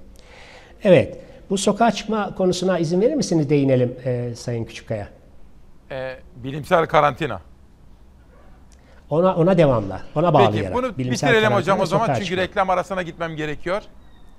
Tabii, tabii Buyurun. hemen toparlayayım. Lütfen. Şimdi sokağa çıkma yasağı bir güvenlik terminolojisi e, Sayın Küçükkaya. Bu belki güvenlik güçleri, kolluk, İçişleri Bakanlığı'nca kullanılabilen bir terim. Fakat biz e, burada karantina e, e, önermekteyiz. O halde yapacağımız şey, şey çok basit. Test yapacağız. Kapı kapı dolaşıp test yapacağız. Pozitif yakaladıklarımızı tedaviye alacağız. Temaslı öyküsü olan, yurt dışından e, gelen, kuşkulu olan insanları da toplumun içine göndermeyip karantina mekanlarında ayıracağız. O halde karantina mekanlarına gereksinimimiz var. Karantina mekanları için Türkiye'de TOKİ'nin on binlerce satılmayan evleri var. Bunlar siteler halinde kullanabiliriz. Büyük tatil köylerini, boş olan otel, otelleri Sağlık Bakanlığı kiralayabilir ve oraları kullanabiliriz. Öğrenci yurtlarını kullanmaya e, giriştik. Bunu çok yanlış yaptık. E, on binlerce belki birkaç yüz bin öğrenciyi incitici biçimde sabahın kör saatinde yurtlarından ettik. Bu bir yana dağıttık Anadolu'ya. Bir salgın ortamında elden geldiğince nüfus hareketlerinin sınırlanması gerekirken biz bunun tersini yaptık. Bir de umrecilerde çok hata yaptık. Göndermememiz gerekiyor idi. Döndükten sonra mutlaka karantinaya almamız gerekiyor idi. Dolayısıyla biz çok sıkı bir test politikası uygular. Pozitifleri hemen tedaviye alır. Kuşkuluları da kendi evlerine, iş yerlerine göndermeyip karantina mekanlarında 14 gün konuk edersek İçişleri Bakanlığı'nın telaffuz ettiği biçimde bir sokağa çıkma yasağına gereksinim kalmaz. Biz bu bilimsel karantinayı ya da karantinayı tam anlamıyla bilimsel uygulayarak toplumdaki R0 değerini yani bulaştırıcılık Peki. katsayısını e, birkaç hafta içinde bire çekebiliriz, birin altına indirebiliriz e, Sayın Küçükkaya. Profesör Doktor Ahmet Saltık çok değerli bir bilim insanı. Hocam çok teşekkür ediyorum. Sabah erkenden geldiniz ve demokrasi meydanına katkı verdiniz. İçtenlikle teşekkür ediyorum. Saygılar sunuyorum size. Sağ olun, var olun. Evet, şimdi bir reklam arası var. Sonra devam edeceğiz. Saat 10.45'e kadar ekonomi, esnaf, üretici bu konulara salgının ekonomiye yansımasına ve esnafa dair haberler var. İnfaz sistemi var. İnfaz sistemine dair detayları paylaşacağım. Bunun dışında 23 Nisan'a ilişkin Meclis Başkanı'ndan güzel anlamlı bir açıklama geldi. Onu paylaşacağım. Ama bu arada Samsun'dan, abimden, Bafra'dan geldi. Abim kendi bir öğretmenin kitabı, yine bir öğretmen çocuğunun Numan Altı Öksüz'ün Ellerim Neden Siyah isimli kitabı geldi Bafra'dan. Çok teşekkür ediyorum Mustafa Makas'a ve Numan Altı Öksüz'e. Biraz evvel bir kaybımızdan bahsetmiştim. Yine muhabirlik günlerimden tanıdığım Yusuf Ata Arak. O da vefat etmiş efendim. Özellikle bilişim sektörünü yakından tanıdığı örgütçü bir insandır. Yurtsever bir insandı. Allah rahmet eylesin diyorum. Bugün de Berat Kandili. Dualarınız insanlığın ve ülkemizin huzuru için, birliği, dirliği için, iç ferahlığı için ve sağlık için kalksın efendim. Teşekkür ediyorum. Bir reklam arası dönüşte ekonomi ve infaz sistemine ilişkin haberlerle devam edeceğiz. Bak saat 10 olmadan geldim. Günaydın. 7 Nisan 2020. İsmail Küçükkaya ile sağlıklı günlere yolculuk yapıyoruz. Hilal ile Savaş Yıldız arasında değiş tokuş yapıldı. Şu andan itibaren Savaş Yıldız var. Bugün asıl büyük mücadele konunun sağlık bölümü bitince ki bitecek ekonomi bölümüne gelecek. Bu kuşakta ekonomi, esnaf, üretici bütün bunları konuşacağım ama önce infaz sistemi. Dikkatle takip ediyorum. Dün gerek avukat Ece Güner Toprak'la gerek İlkay Sezer'le konuştum. Daha evvel Biliyorsunuz Kezban Hoca ile de konuşmuştum, Hatem Hoca ile de. Dolayısıyla dikkatle takip ettiğimiz bu konudaki gelişmeleri sizlere anlatacağız. Çünkü dün Cumhurbaşkanı Erdoğan bir konuşma yaptı ve infaz sisteminin bugün meclise geleceğini ve hızla yasalaşacağının da sinyallerini verdi. Fakat biz paketteki gizli tehlikeye de dikkat çekmek istiyoruz. Alican Uludağ'ın yazmış olduğu bir habere göre bu paket yasalaşırsa tabii pek çok olumlu husus da var onu söyleyelim. Bu pek çok olumlu hususun arasında bazı gizli maddeler de var. Daha doğrusu gözden kaçmış olabilir. Bu paket yasalaşırsa diyor Alican Uludağ gazeteci. Sadece gazeteciler değil sosyal medyada eleştirel paylaşım yaptığı, sokakta iktidarı eleştirdiği için ceza alan herkes cezasının mutlaka %40'ını çekmek zorunda kalacak. Açık cezaevleri düşünce suçluları ile dolacak toplama kampı yaratılıyor dedi efendim. Yani şöyle pek çok olumlu hususu da var. Bazı sakıncalı hususları da var. Bir de yatarı yok derdi ki eskiden. Şu kadar ceza aldı ama bunun yatarı yok diye. Bu artık tarihe karışıyor. Kamuoyunun yakından takip ettiği infaz düzenlemesi inşallah yarın Türkiye Büyük Millet Meclisi Genel Kurulu'nda görüşülmeye başlanacaktır. AK Parti'nin hazırladığı MHP'nin destek verdiği ceza infaz düzenlemesi Adalet Komisyonu'ndan geçti. Bugün Meclis Genel Kurulu'nda görüşüleceğini Cumhurbaşkanı Erdoğan duyurdu. Yani artık af çok yakın. Hapishaneler tıka basa dolu. Doğru. Haklı haksız yatan bir sürü insan var. 10 kişilik yerde 30-40 kişinin sırayla uyuduğunu, sırayla yemek yediğini biliyoruz. AK Parti'nin hazırladığı ceza infaz düzenlemesinde cinsel suçlar, kadına şiddet, terör, uyuşturucu ve cinayet suçları kapsam dışı bırakıldı. Düzenleme bu suçlar dışındaki suçlarda ceza infaz süresini 2 bölü 3'ten 1 bölü 2'ye indirilmesini öngörüyor. Yani 10 yıl ceza alan bir kişi cezasının yarısını çektikten sonra tahliye olabilecek. Salgınla mücadele için aldığımız her tedbiri hukuk devleti ilkesine uygun şekilde yürütüyoruz. Yaklaşık 90 bin kişinin faydalanması bekleniyor düzenlemeden. CHP tutuklu gazeteciler ve siyasetçilerin de düzenleme kapsamına alınmasını istiyor. Gazeteciler hapiste, akademisyenler hapiste. Şimdi bunların çıkması lazım. Düşünce özgürlüğü dolayısıyla insanların hapiste tutulmalarını istemiyoruz. Şiddet kullanmadığımız sürece düşünce özgürlüğünün öndeki engellerin kalkması lazım. Dün Cumhurbaşkanı Erdoğan'ın başkanlık ettiği Bakanlar Kurulu'nun gündemindeydi ceza infaz düzenlemesi. Kabine sonrası konuşan Erdoğan müjdeyi verdi. Düzenleme bugün meclise geliyor. Kabine toplantımızda ayrıntılı bir şekilde değerlendirdiğimiz kapsamlı bir yasa teklifini grubumuz vasıtasıyla yakında meclisin takdirine sunacağız. Kamuoyunun yakından takip ettiği infaz düzenlemesi inşallah yarın Türkiye Büyük Millet Meclisi Genel Kurulu'nda görüşülmeye başlanacaktır. Şimdi İlkay Sezer meselenin olumlu taraflarına da dikkat çekiyor. Ece Güner Toprak meselede gizli kalan bölümlere de dikkat çekiyor. Ama her ikisinin de pek çok uzmanın da hatta Abdülkadir Selvi'nin de bugün benim de gazeteciler mesela Barış Pehlivan, Barış Terkoğlu, Murat Ağırel isimlerini tek tek dile getiremeyeceğim başka gazeteci arkadaşlarım. Hakan Aygün yeni cezaevine girdi. Gazetecilerin tutuklanması bir ülkenin itibarını artırmaz. Bilakis dünyadaki demokrasi liginde, hukukun üstünlüğü liginde ifade özgürlüğünün üst katmanlarda yer aldığı gelişmiş ülkeler liginde bizi maalesef tutamaz efendim. Dolayısıyla biz özgürlüklerin arttığı, gazetecilerin düşüncelerini özgürce ifade edebildikleri bir ortam istiyoruz. Bazen acıtıcı gelebilir, kırıcı olabilir, gazeteci hata da yapabilir.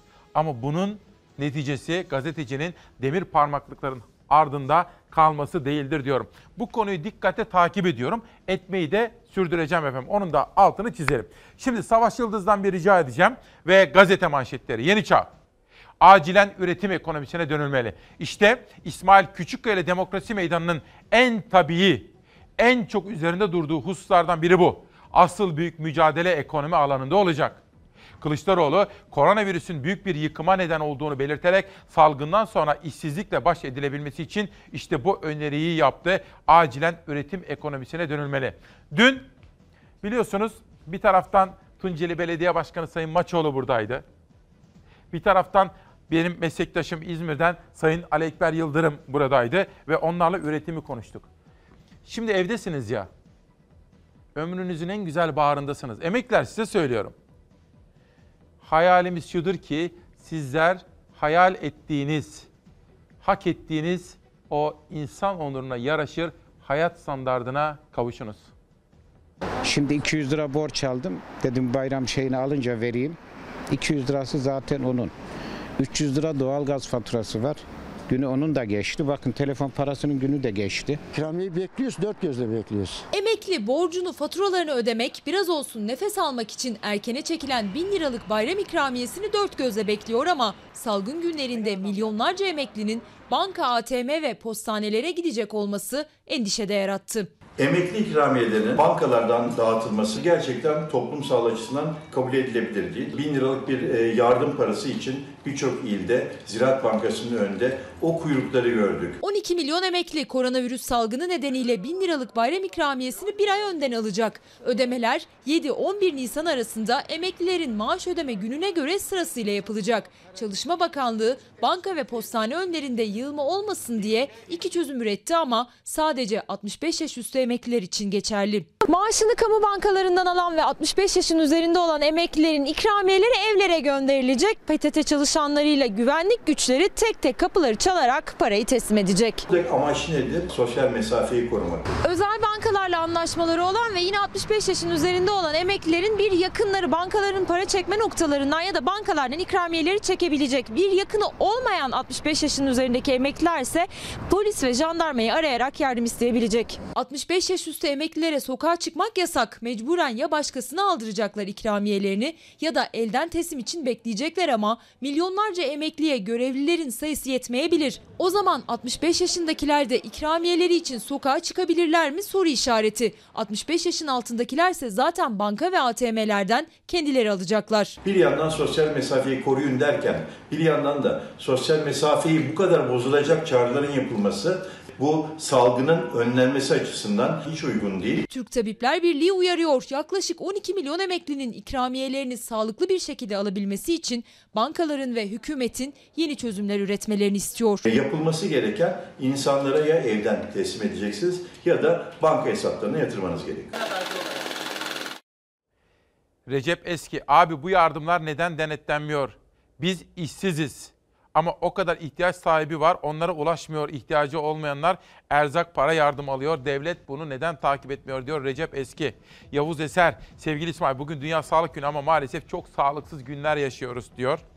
Mehmet Biçer, çok değerli Ahmet Saltık hocamızı yayına çıkarttığın için teşekkürler.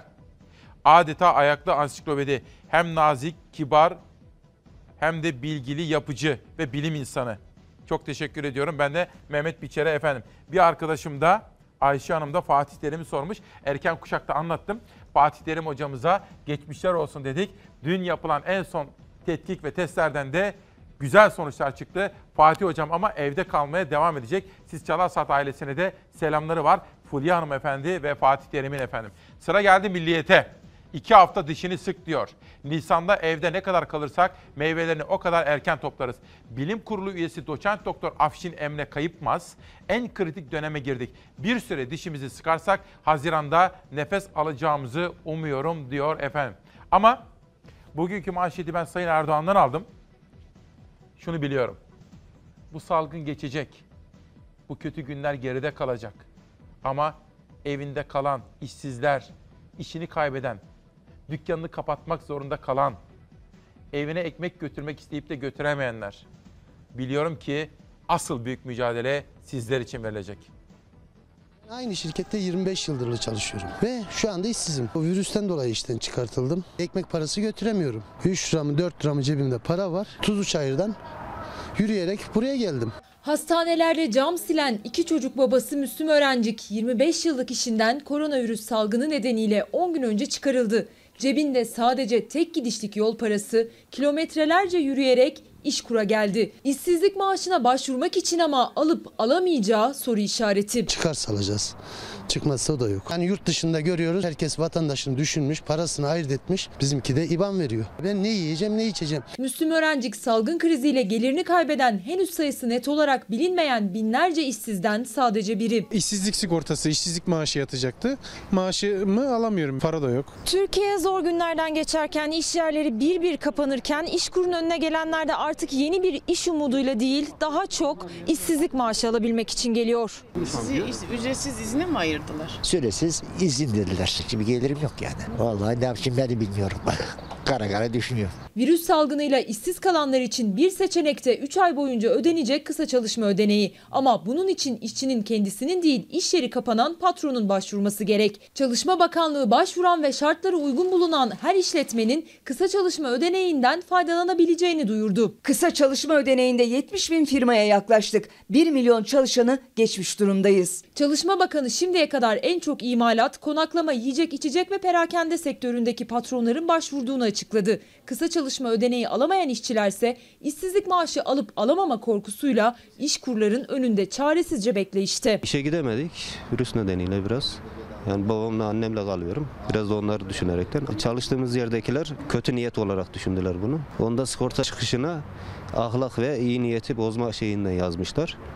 O da şimdi sıkıntı oluyor benim için. İşsizlik de alamıyorum. İş bulamayan, işsizlik maaşı ve kısa çalışma ödeneği de alamayan yani hiçbir geliri olmayan ne yapacak? Bazıları iktidarın ekonomik istikrar kalkan paketinde açıkladığı 1000 lira destek için başvurdu ama oradan da eli boş dönenler var. Belediye kararıyla kağıt toplayamayan Adil Durak gibi. Bursalar Kaymakamlığına başvuru yaptık. 1000 TL verilecek diyorlar ya. İşte alakası yok. Alamıyoruz biz. Benim gibi kaç kişi var yani mağdur. Size o 1000 lirayı vermek için nasıl bir şart koştular efendim? Daha önce de kayıt yapmanız lazım. Bunu alabilmeniz için. Sosyal yardımlaşmaya. Ama öyle bir şey yok. Ben çünkü imkanlarım vardı. Çalışabiliyordum. Gerek kalmadı. Bizden daha kötüler var. Onlar alsınlar gibisine. E şimdi ben şu durumda bir TL benim gelirim yok ki. Tekrar çalışmayı düşünüyorum iş bulabilirsem. Bulabiliyor musunuz? Var mı iş? Hayır. İşçi alacağız. Güvenlik şirketi ona işçi alacağız. Onunla ilgili işte eş, evraklarımızı getirdik. Kaç işçi almayı düşünüyorsunuz? Şu anda 13 kişi. Milyonlarca işsizden birkaçına umut olabilecek bir başvuru da geldi İşkur'a. Ankara'da özel bir güvenlik şirketi şartlarını zorlayarak 13 kişi alacak. Şimdi Yasemin haber veriyor. Tamer Kay. NTV'de de çalışmıştı bir kameraman kardeşimiz genç yaşta. Bak şimdi şöyle göstereyim tipinden de anla.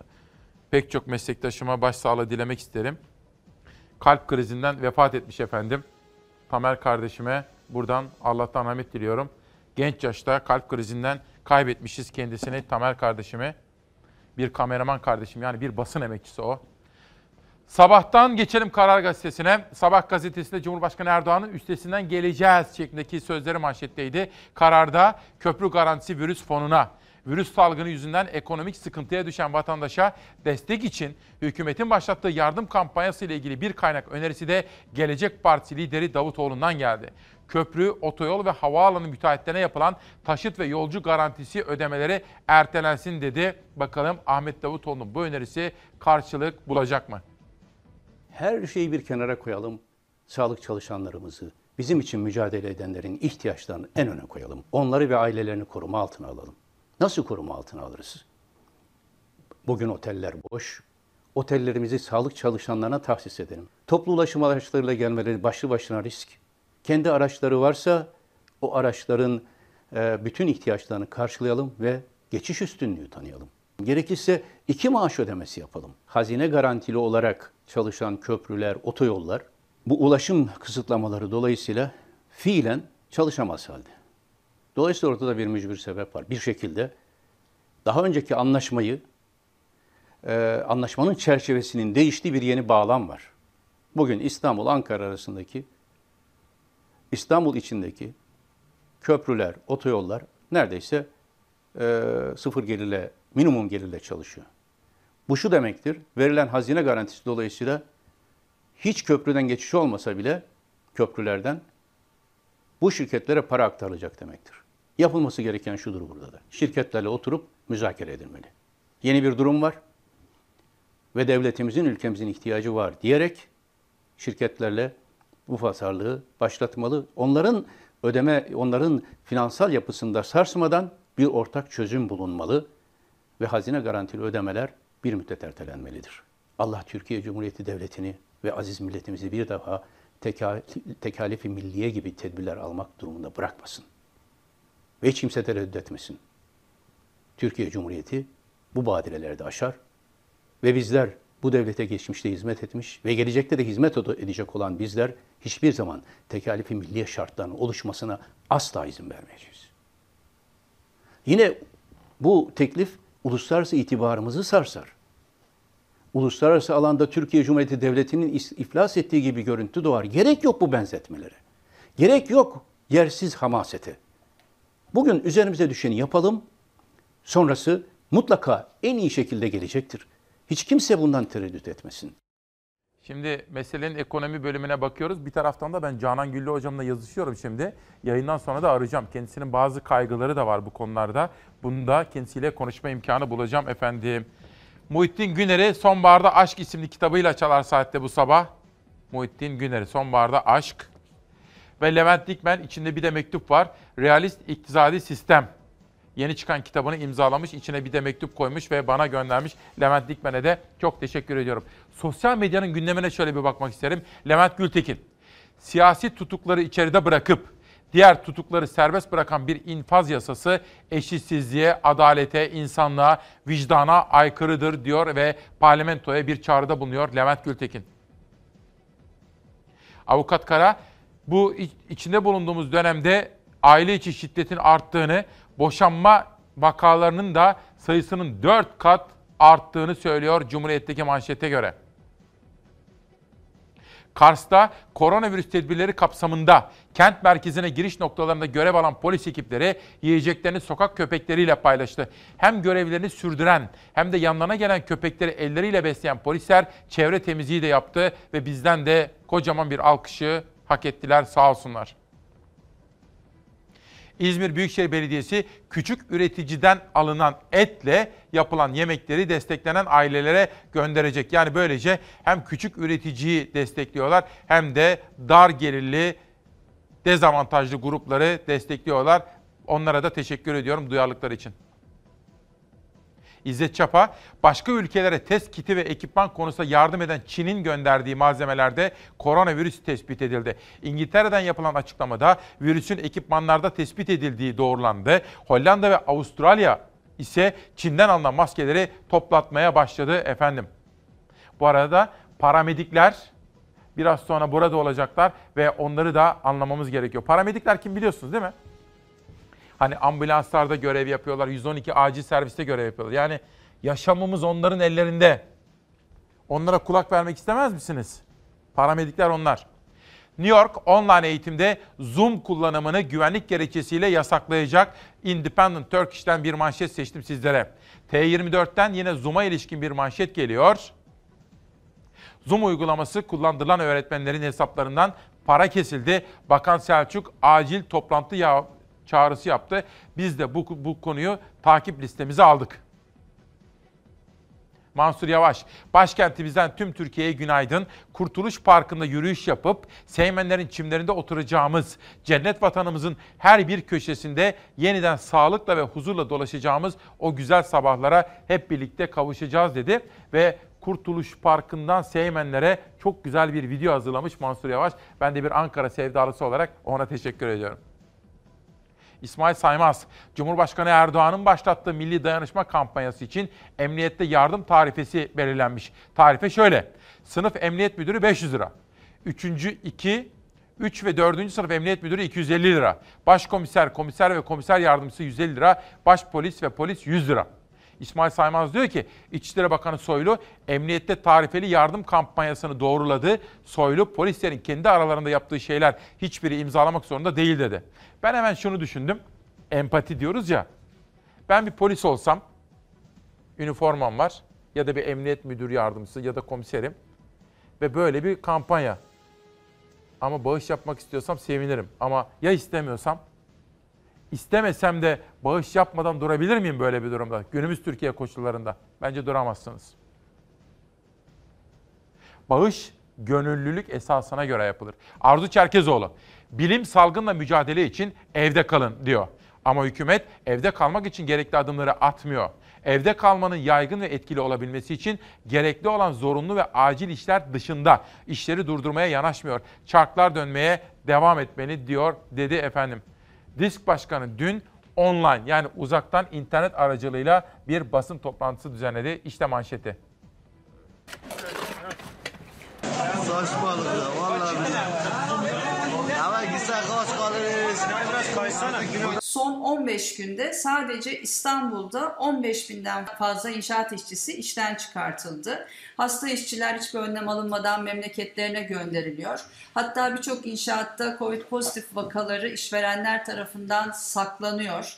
Diğer işçilere tarama yapılmıyor. Vahim tabloyu ve iddiayı DİSK Genel Başkanı Arzu Çerkezoğlu dile getirdi. Zorunlu olmayan üretim ve hizmet dışında kalan inşaatlarda iş devam ediyor. Duran inşaatlardaysa işçiler işten çıkarılıyor. Pozitif vakalar içinse bir tedbir alınmıyor. Salgın dinlemeyen sadece inşaat şantiyeleri değil, tekstil fabrikaları da aynı durumda. Hasta işçilerin de işten çıkarıldığı iddiası gündemde. Covid-19 tespit edildiği için işten çıkarılan başka işçiler de var mı? Covid pozitif e, çıkan işçi arkadaşlarımızın hiçbir önlem alınmadan evlerine gönderildiği hatta memleketlerine gönderildiğini biliyoruz. Zorunlu olmamasına rağmen halen bütün inşaatlar çalışmaya devam ediyor. Abi orada herkes elini ödüyor olmuyor öyle.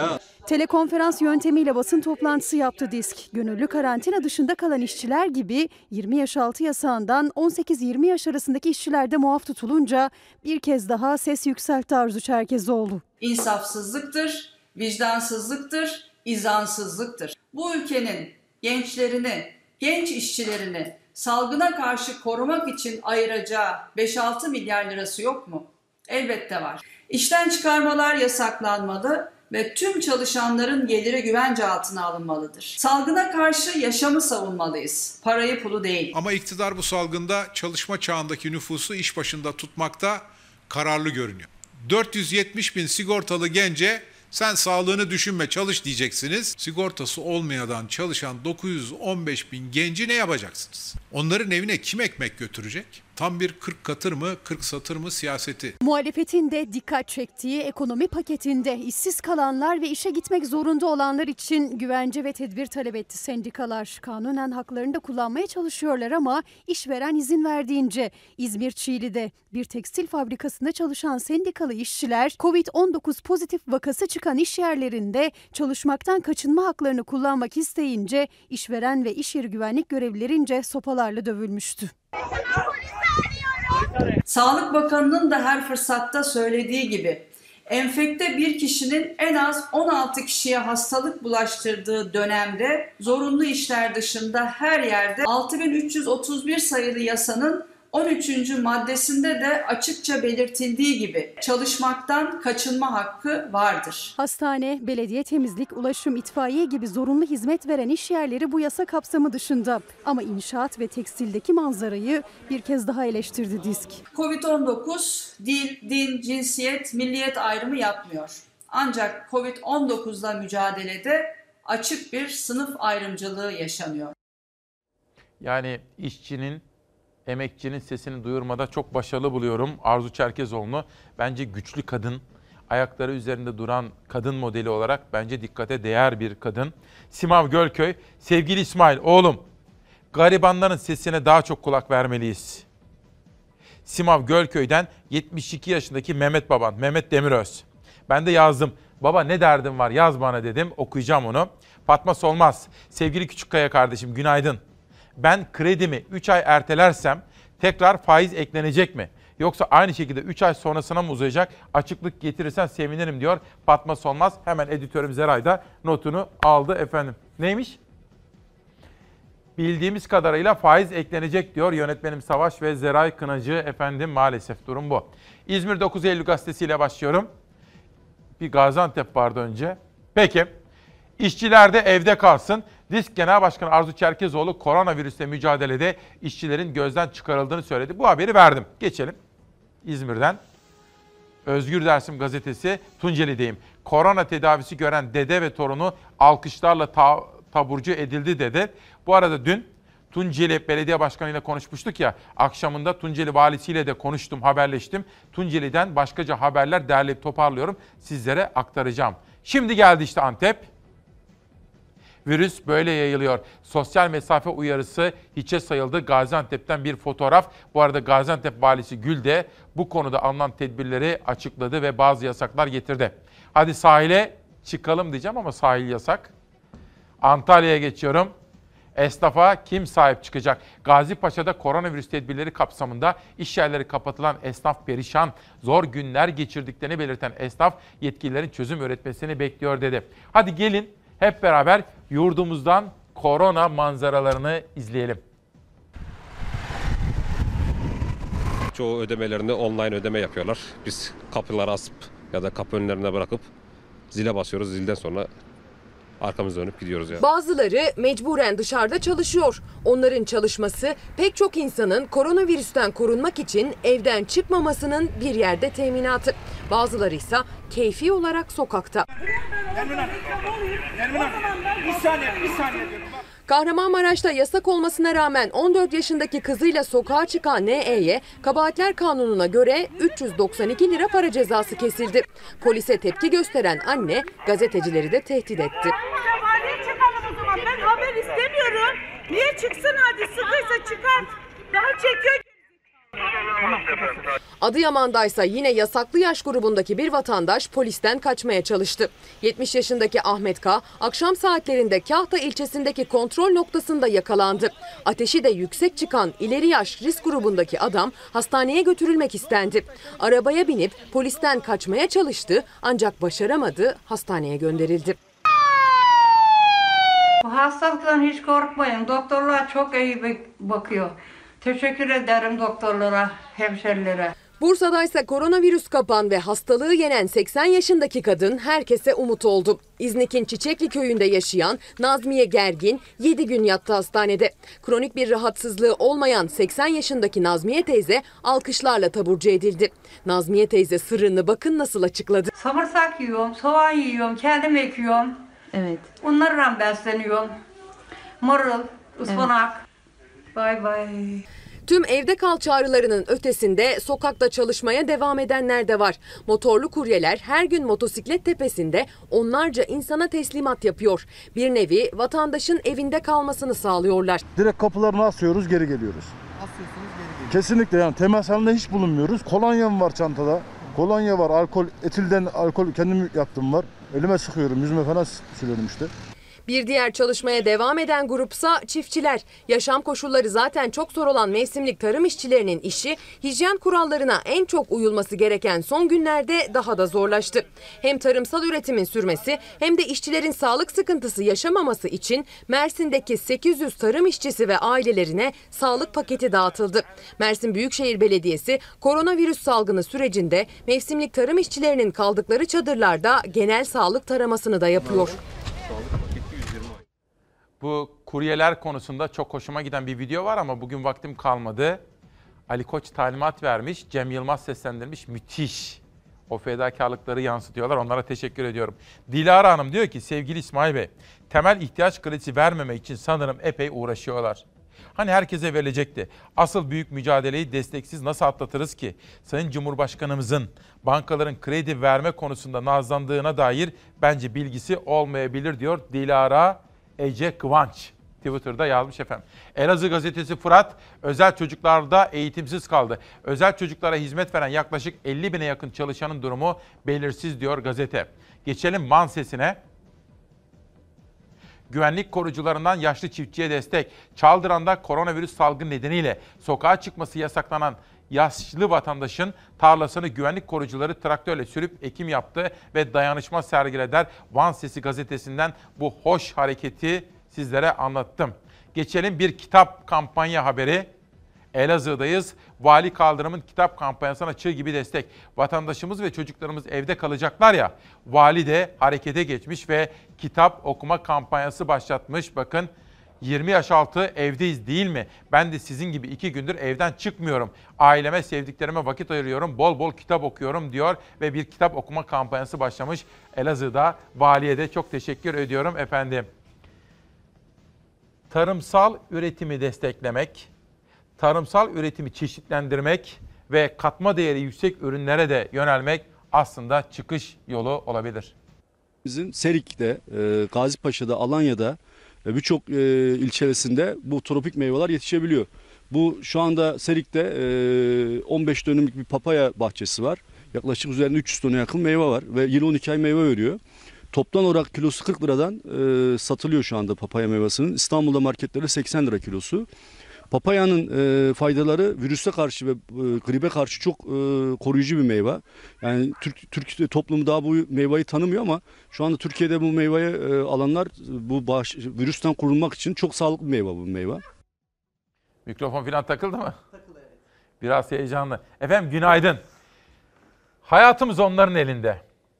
Sizlere bir seslerini duyurmaları gerekiyor sizin yaşamanız için. Hoş geldiniz. Hoş bulduk. Tarık Bey sizi bir tanıyalım. Benim adım Tarık Balcı, paramediyim. Öğretim görevlisi olarak çalışıyorum. Ee, aynı zamanda Paramedik Derneği'nin genel başkanlığını yürütüyorum. Paramedik ne demek?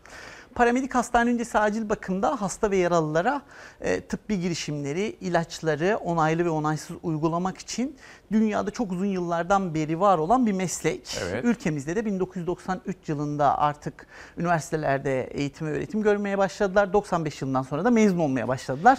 Ve bu şekilde e, mezunlarımız Sizler devam nerede ediyor. çalışıyorsunuz? Bizler hastane öncesi acil bakımda yer alan bütün ambulanslarda hava kara deniz. Aynı zamanda acil servislerde. Aslında çalışma alanlarımız daha da fazla ama ne yazık ki bakanlığın çok fazla paramedik ihtiyacı olduğu için geçmiş dönemlerde bir kısıtlamaya maruz kaldık. İşte paramedikleri sadece bu alanda ihtiyacımız var denildiği için bu alanda görevlendirildik. Peki ilk mesajı verin. Devletimiz bizi izliyor. Halkımız bizi izliyor şimdi. İlk manşeti atın. Ne istersiniz devletten? Korona günlerindeyiz. Biraz detaylandıracağım. Bize mesela bir tane ventilatör, Evet. solunum cihazı getirmişsiniz. Evet. Maskeyle gelmişsiniz. Teşekkür ediyorum. Ben teşekkür onu göstereceksiniz bize nasıl Evet, kullanılıyor. göstereceğim. Hı Doğru. hı. Sonra eldiveni nasıl çıkarıyorsunuz onu çıkaracağız, onu göstereceksiniz. Hı hı. İlk mesajı bir verin önce. Yani ana mesajım şu, e, paramedikler e, sahada yer almak istiyor ve çok fazla atama bekliyorlar. Evlerindeler şu an ve hastane öncesi acil bakımda kaliteli görev yapacak çok fazla paramediğimiz var. Onlara en kısa sürede en hızlı şekilde kadro verilmesi ve sahada şu Covid ile mücadelede e, en ön saflarda yer almasını istiyoruz. Çünkü dünyada paramediklerin Covid-19'da mücadelede çok fazla önemi var. Neden? Ee, çünkü hastane öncesi acil bakımda bir yerden bir yere hastanın transferi, evde hastanın değerlendirilmesi, toplum paramedikliği denilen bir şey var. Evde hastaların, e, izole olmuş hastaların muayenesi ve onların takipleri gibi birçok konuyu paramedikler dünyada yürütüyor. O kadar önemlisiniz ki. Bak şimdi bir şey söyleyeceğim. Benim bir arkadaşım var paramedik. Ambulans da kullanıyor. Evet, doğru. Öylesiniz değil Doğru, mi? doğru. Eğitiminiz öyle. Doğru. Şöyle sormak istiyorum. Size bir telefon geldi. İstanbul'da, Antep'te, Sivas'ta bir yere gideceksiniz. Hı hı. Orada koronavirüs şüpheli bir hasta var. Ne yapıyorsunuz? Şöyle e, normalde aslında bütün çağrılar bizim için e, solunum sıkıntısı başlığı altındaysa onlar korona soru işareti. Bir kere tam donanımlı olmak zorundayız. Burada bir mesaj da vermek istiyorum. Verin. Sahada çalışan paramedik arkadaşlarımızın çok ciddi malzeme sıkıntısı var. E, bunu Sayın Bakanımız da fark etti ve hatta şöyle bir e, yaklaşımda bulundu. Bütün sinsiriyi atlayarak bize ulaşabilirsiniz dedi. Bakan mı? Bakanımız Bravo. dedi bunu. Ya bürokratik mekanizmalar aslında Kesinlikle güzel. kesinlikle ama halen daha İl Sağlık Müdürlükleri ne yazık ki şu mesajı veriyor çalışanlarımıza, paramedik arkadaşlarımıza. Eğer e, şüpheli değilse sen maskeyle şu şekilde git, şu şekilde git. Aynen şu an benim bulunduğum şekilde git diyor. Eğer Covid-19 pozitifse E nereden bileceğim? işte bilmiyoruz. Önce test yapacağım. O yüzden e, rehber var. 2 Nisan'da en son yayın, yayınlandı rehberimiz İsmail Bey. Orada şunu diyor. Öksürüğü varsa o hastada senin tam koruyucu donanımın olması gerekiyor. Olmayabilir diyorlar. E, yani işte Semptom göstermeyebilir tabii, diyorlar. Tabii. Yani biz ne yapacağız? Gittiğimiz her vakada tam donanımlı gideceğiz. Bunun böyle olması gerekiyor. Gidemiyor musunuz? Gidemiyoruz. Ne yazık Sağlık ki Bakanımız gidemiyoruz. buradan duysun bunu E, bir daha. gidemiyoruz. Yani ve arkadaşlarımız o numarayı aramaya çekiniyor. Peki gittiniz. Gittik. Kapı açıldı. Kapı İçeride açıldı. koronavirüs şüphelisi Ee, var. O hastayı baştan aşağı paramediğimiz değerlendiriyor. Bütün normal bildiğiniz acile gittiğinizde bir doktor sizi nasıl değerlendiriyorsa paramediğin de o yeterliliği ve bilgisi var. Malzemesi var. Bakın şu acil çantasının Evet, içinde göster. Hı hı. her şey var. Her şey. Ee, bu defibrilatör o hastanın kalp elektrosunu kandaki oksijen seviyesini görmek için çok çok yeterli. Değerlendirmesini yapıyor. Ee, bir ön tanı koyuyor. O ön tanını koyduktan sonra bizim protokollerimiz var. Standarttır bu protokoller. O protokolleri uygulamaya başlıyor paramedik arkadaşlarımız. hı. Ve aşama aşama o hastaya gerekli olan bütün desteği sağlıyor. Örnek vereyim mesela yine ventilatör üzerinden gideyim izin verirseniz. Evet, gidin. Mesela solunum sıkıntısı var o paramedik arkadaşı e, hastanın. Paramedik arkadaşımız değerlendirdikten sonra bu cihaz üzerinden SIBAP dediğimiz bir mod var. Hastaya solunum desteğini şu maskeyi şuraya takarak sağlayabiliyor. Ha. Bu Normal- oksijen veriyor. Oksijen ama basınçlı veriyor. Basınçlı. Hasta yetersiz aldığı için Tamam. onu basınçlı bir şekilde veriyor. Yoksa Peki. Çok iyi. Şimdi devam edeceğiz.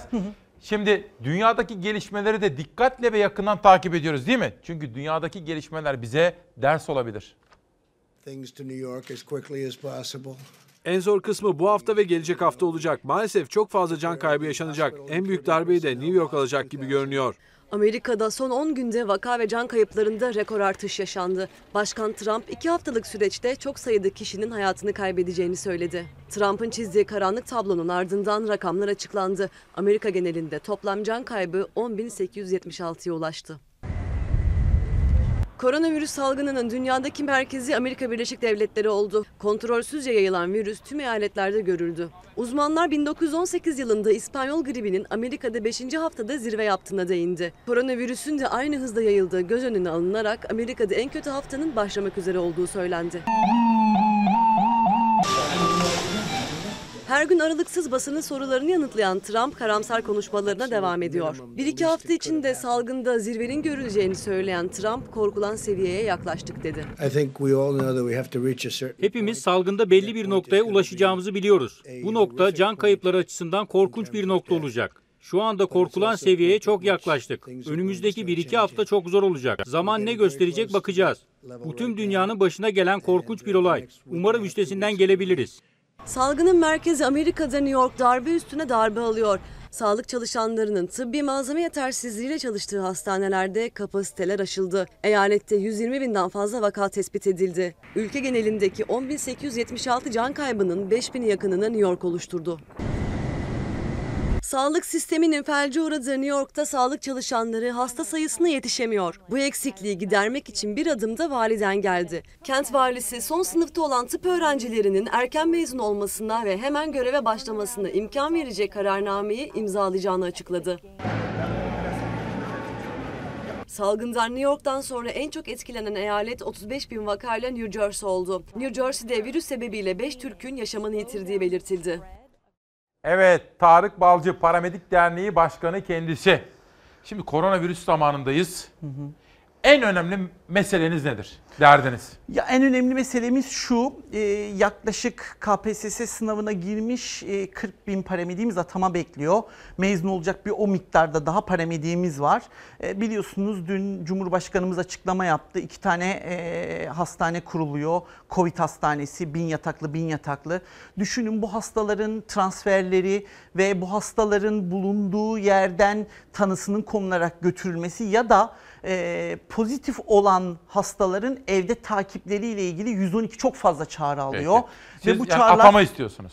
Kesinlikle bu arkadaşlarımızın tümü hazır kıta bekliyor ve ne yazık ki bu son alımda ihtiyaca binaen yapılan son alımda 251 adet paramedik alındı ki bu çok komik bir rakam.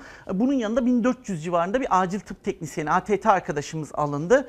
Burada e, personel dağılım cetveli denilen bir cetvel var ve burada çok büyük bir hata var İsmail Bey. Yani Peki. biz bir devlet bürokratlarımıza bunu anlatmaya çalışıyoruz ama ne yazık ki sorunumuz Ne var. oradaki hata? E, oradaki hata şu, normalde e, paramedikler ambulans kullanabiliyor, Evet. ehliyet sahibiler ve sürüş eğitimi almış Evet. durumdalar. Dünyada paramedik sistemi ikili ya da üç paramedikli olarak yürüyor. E, şimdiye kadar tabii biz sahada yan yana e, ATT arkadaşlarımızla beraber kahramanca gerçekten çok fazla mücadele verdik ama şu an günümüzde artık liselerden acil tıp teknisyeni mezun olmuyor ve alınması gereken personel de paramedik E, ama paramedik arkadaşlarımıza e, ne yazık ki atama verilmedi. Burada çok büyük bir hata var. Onun ivedilikle 10 Bize- ya da 15 paramedik olmasını Bize istiyoruz. sahadan bahseder misiniz? Korona ile mücadelede paramedikler, saha, ambulans, şimdi hastayı aldın. Sahada ne oluyor? Şöyle sahada bulunan paramedik arkadaşlarımız Heh. e, hastaları değerlendirirken işte tabii şu koruyucu donanımlarını tam olarak aldıktan sonra o hastaya müdahalesini yapıyor. Hastaneye götürüyor. Ee, sadece işleri bu değil bir de örnek veriyorum hani yoğun bakımı yeterli olmayan hastanenin acilinde e, Covid-19 pozitif olan hastanın da başka bir hastane transferini yine gerçekleştiriyor. Şu an biliyorsunuz e, il büyük şehirlere ve Zonguldak'a girişler yasak e, emniyet düzenli olarak takip yapıyor orada. Bu takibi de yine orada muayene işini paramedikler yürütüyor. Yani paramedikler aslında her yerde ama yetersiz. İstasyonların çok fazla ihtiyacı var. Bir örnek vereyim mesela size. Şu an Zeytinburnu'ndayız ve Zeytinburnu'nda e, açılması gereken 8 tane acil yardım istasyonu var. Şu an 5 tane var. 3 tanesi gözüküyor aslında. Açılmayı ama bekliyor? Açılmayı bekliyor. Ataması da var ama sürücü yok. Yani Ama e, sizler sürücüsünüz aslında. ama işte acil tıp teknisyeni arkadaşlarımız Hmm. 17-18 yaşında liseden mezun olduklarında ehliyet sahibi olamıyorlar. Peki. Ve onlar sürücülük yapsın diye onları alıyorlar ama ehliyetleriyle ilgili sorunları olabiliyor. Peki. Sevgili Türkiye'm sizlere bir anons yapmak isterim. Aslında ben arkadaşlarımdan rica ettim. 23 Nisan yaklaşıyor. Cumhuriyetimizin aslında en önemli yıl dönümlerinden bir tanesi. Meclisimizin açılışının bir asırlık hikayesi. Haberi hazır. Hatta bir çocuğumuzun videosu da var ama izin verirseniz bugün onu kullanmayacağım. Yarına söz veriyorum. Meclis Başkanı'ndan çok anlamlı bir çıkış geldi. Ona da duyarlı için teşekkür ediyorum. Şu maskeyi bir anlatır mısınız bize? Maske Tabii. nasıl kullanılıyor? Ee, şöyle e, normalde biz e, aslında maskeyi kullanırken evde yaptığımız maske de olsun böyle tıbbi maskeler de olsun. Evde yapıyor musunuz? e, yapılabilir evde de Yapılabilir. tabii yani hani e, bununla ilgili Dünya Sağlık Örgütü'nün bir açıklaması var ve orada gösteriyor hangi kumaşı nasıl kullanacağınız Peki. yönünde. E, maskeyi ve eldiveni kullanmak çok önemli. E, eldiveni kullandığınızda giydikten sonra temas ettiğiniz yerler olabiliyor. Aha. Bu yüzden dikkatli çıkarmanız gerekiyor. Özellikle şu pozisyonda tutmak gösterir önemli. misiniz? Bakın Çıkar- şu şekilde bir tutmalısınız. görelim ya. Çıkarayım tabii ki. Evet. Şu şekilde tutmanız önemli. Asla şuradan tutmayacağız. Burası yanlış bölge. Şuradan tutacağız ve bunu çıkaracağız. Bunu çıkarırken şu önemli avucumuzun içine alacağız. Bunu Evet. atmayacağız. Bir dakika Sonra dur. Dur. Atmayacağız. Murat Varga'dan bir mesaj gelmiş Savaş. Hazır mı o? Bunları atmayacağız. Bakın ne yapacağız. Doğa bana özen gösterin diyor. Çöp yığınlarının doruğa ulaştığı bu dönemde dünya olarak belki her zamankinden fazla durup düşünmek için zamanımız var. Her birimizin neyi daha iyi yapabilirim sorusunu sorma zamanı. Sağlığımızı, doğanın sağlığını korumak için önce farkına varmalıyız. Tek kullanımlık maskeler, plastik eldivenler nereye gidiyor? Bize enfeksiyon ve çevre kirliliği olarak geri dönmeyecek mi? Artan maske ve plastik eldiven kullanımı önüne geçilemez bir çevre sorunu haline gelmeden alternatifler üretelim, ihtiyacımız kadar kullanalım. Kullanılmış maske ve eldivenleri yerlere, sokaklara değil, çöpe atalım. Evet. Bir daha çıkarır mısınız ve sonra ne yapacağız? Evet aldık avucumuzun içine bunu. Şimdi buraya temas etmememiz lazım. Çünkü burası kirli. E, parmaklarımızı hemen şu iç tarafa yerleştiriyoruz. Bakın çok Dur bir çok dakika öbür tarafa doğru göster. Şöyle göstereyim. Heh, bravo, Şö- şöyle tamam, durayım. bravo. Şuraya geçiriyoruz bakın. Parmağınız buraya girecek. Girdikten sonra ters çeviriyorsunuz elinizi.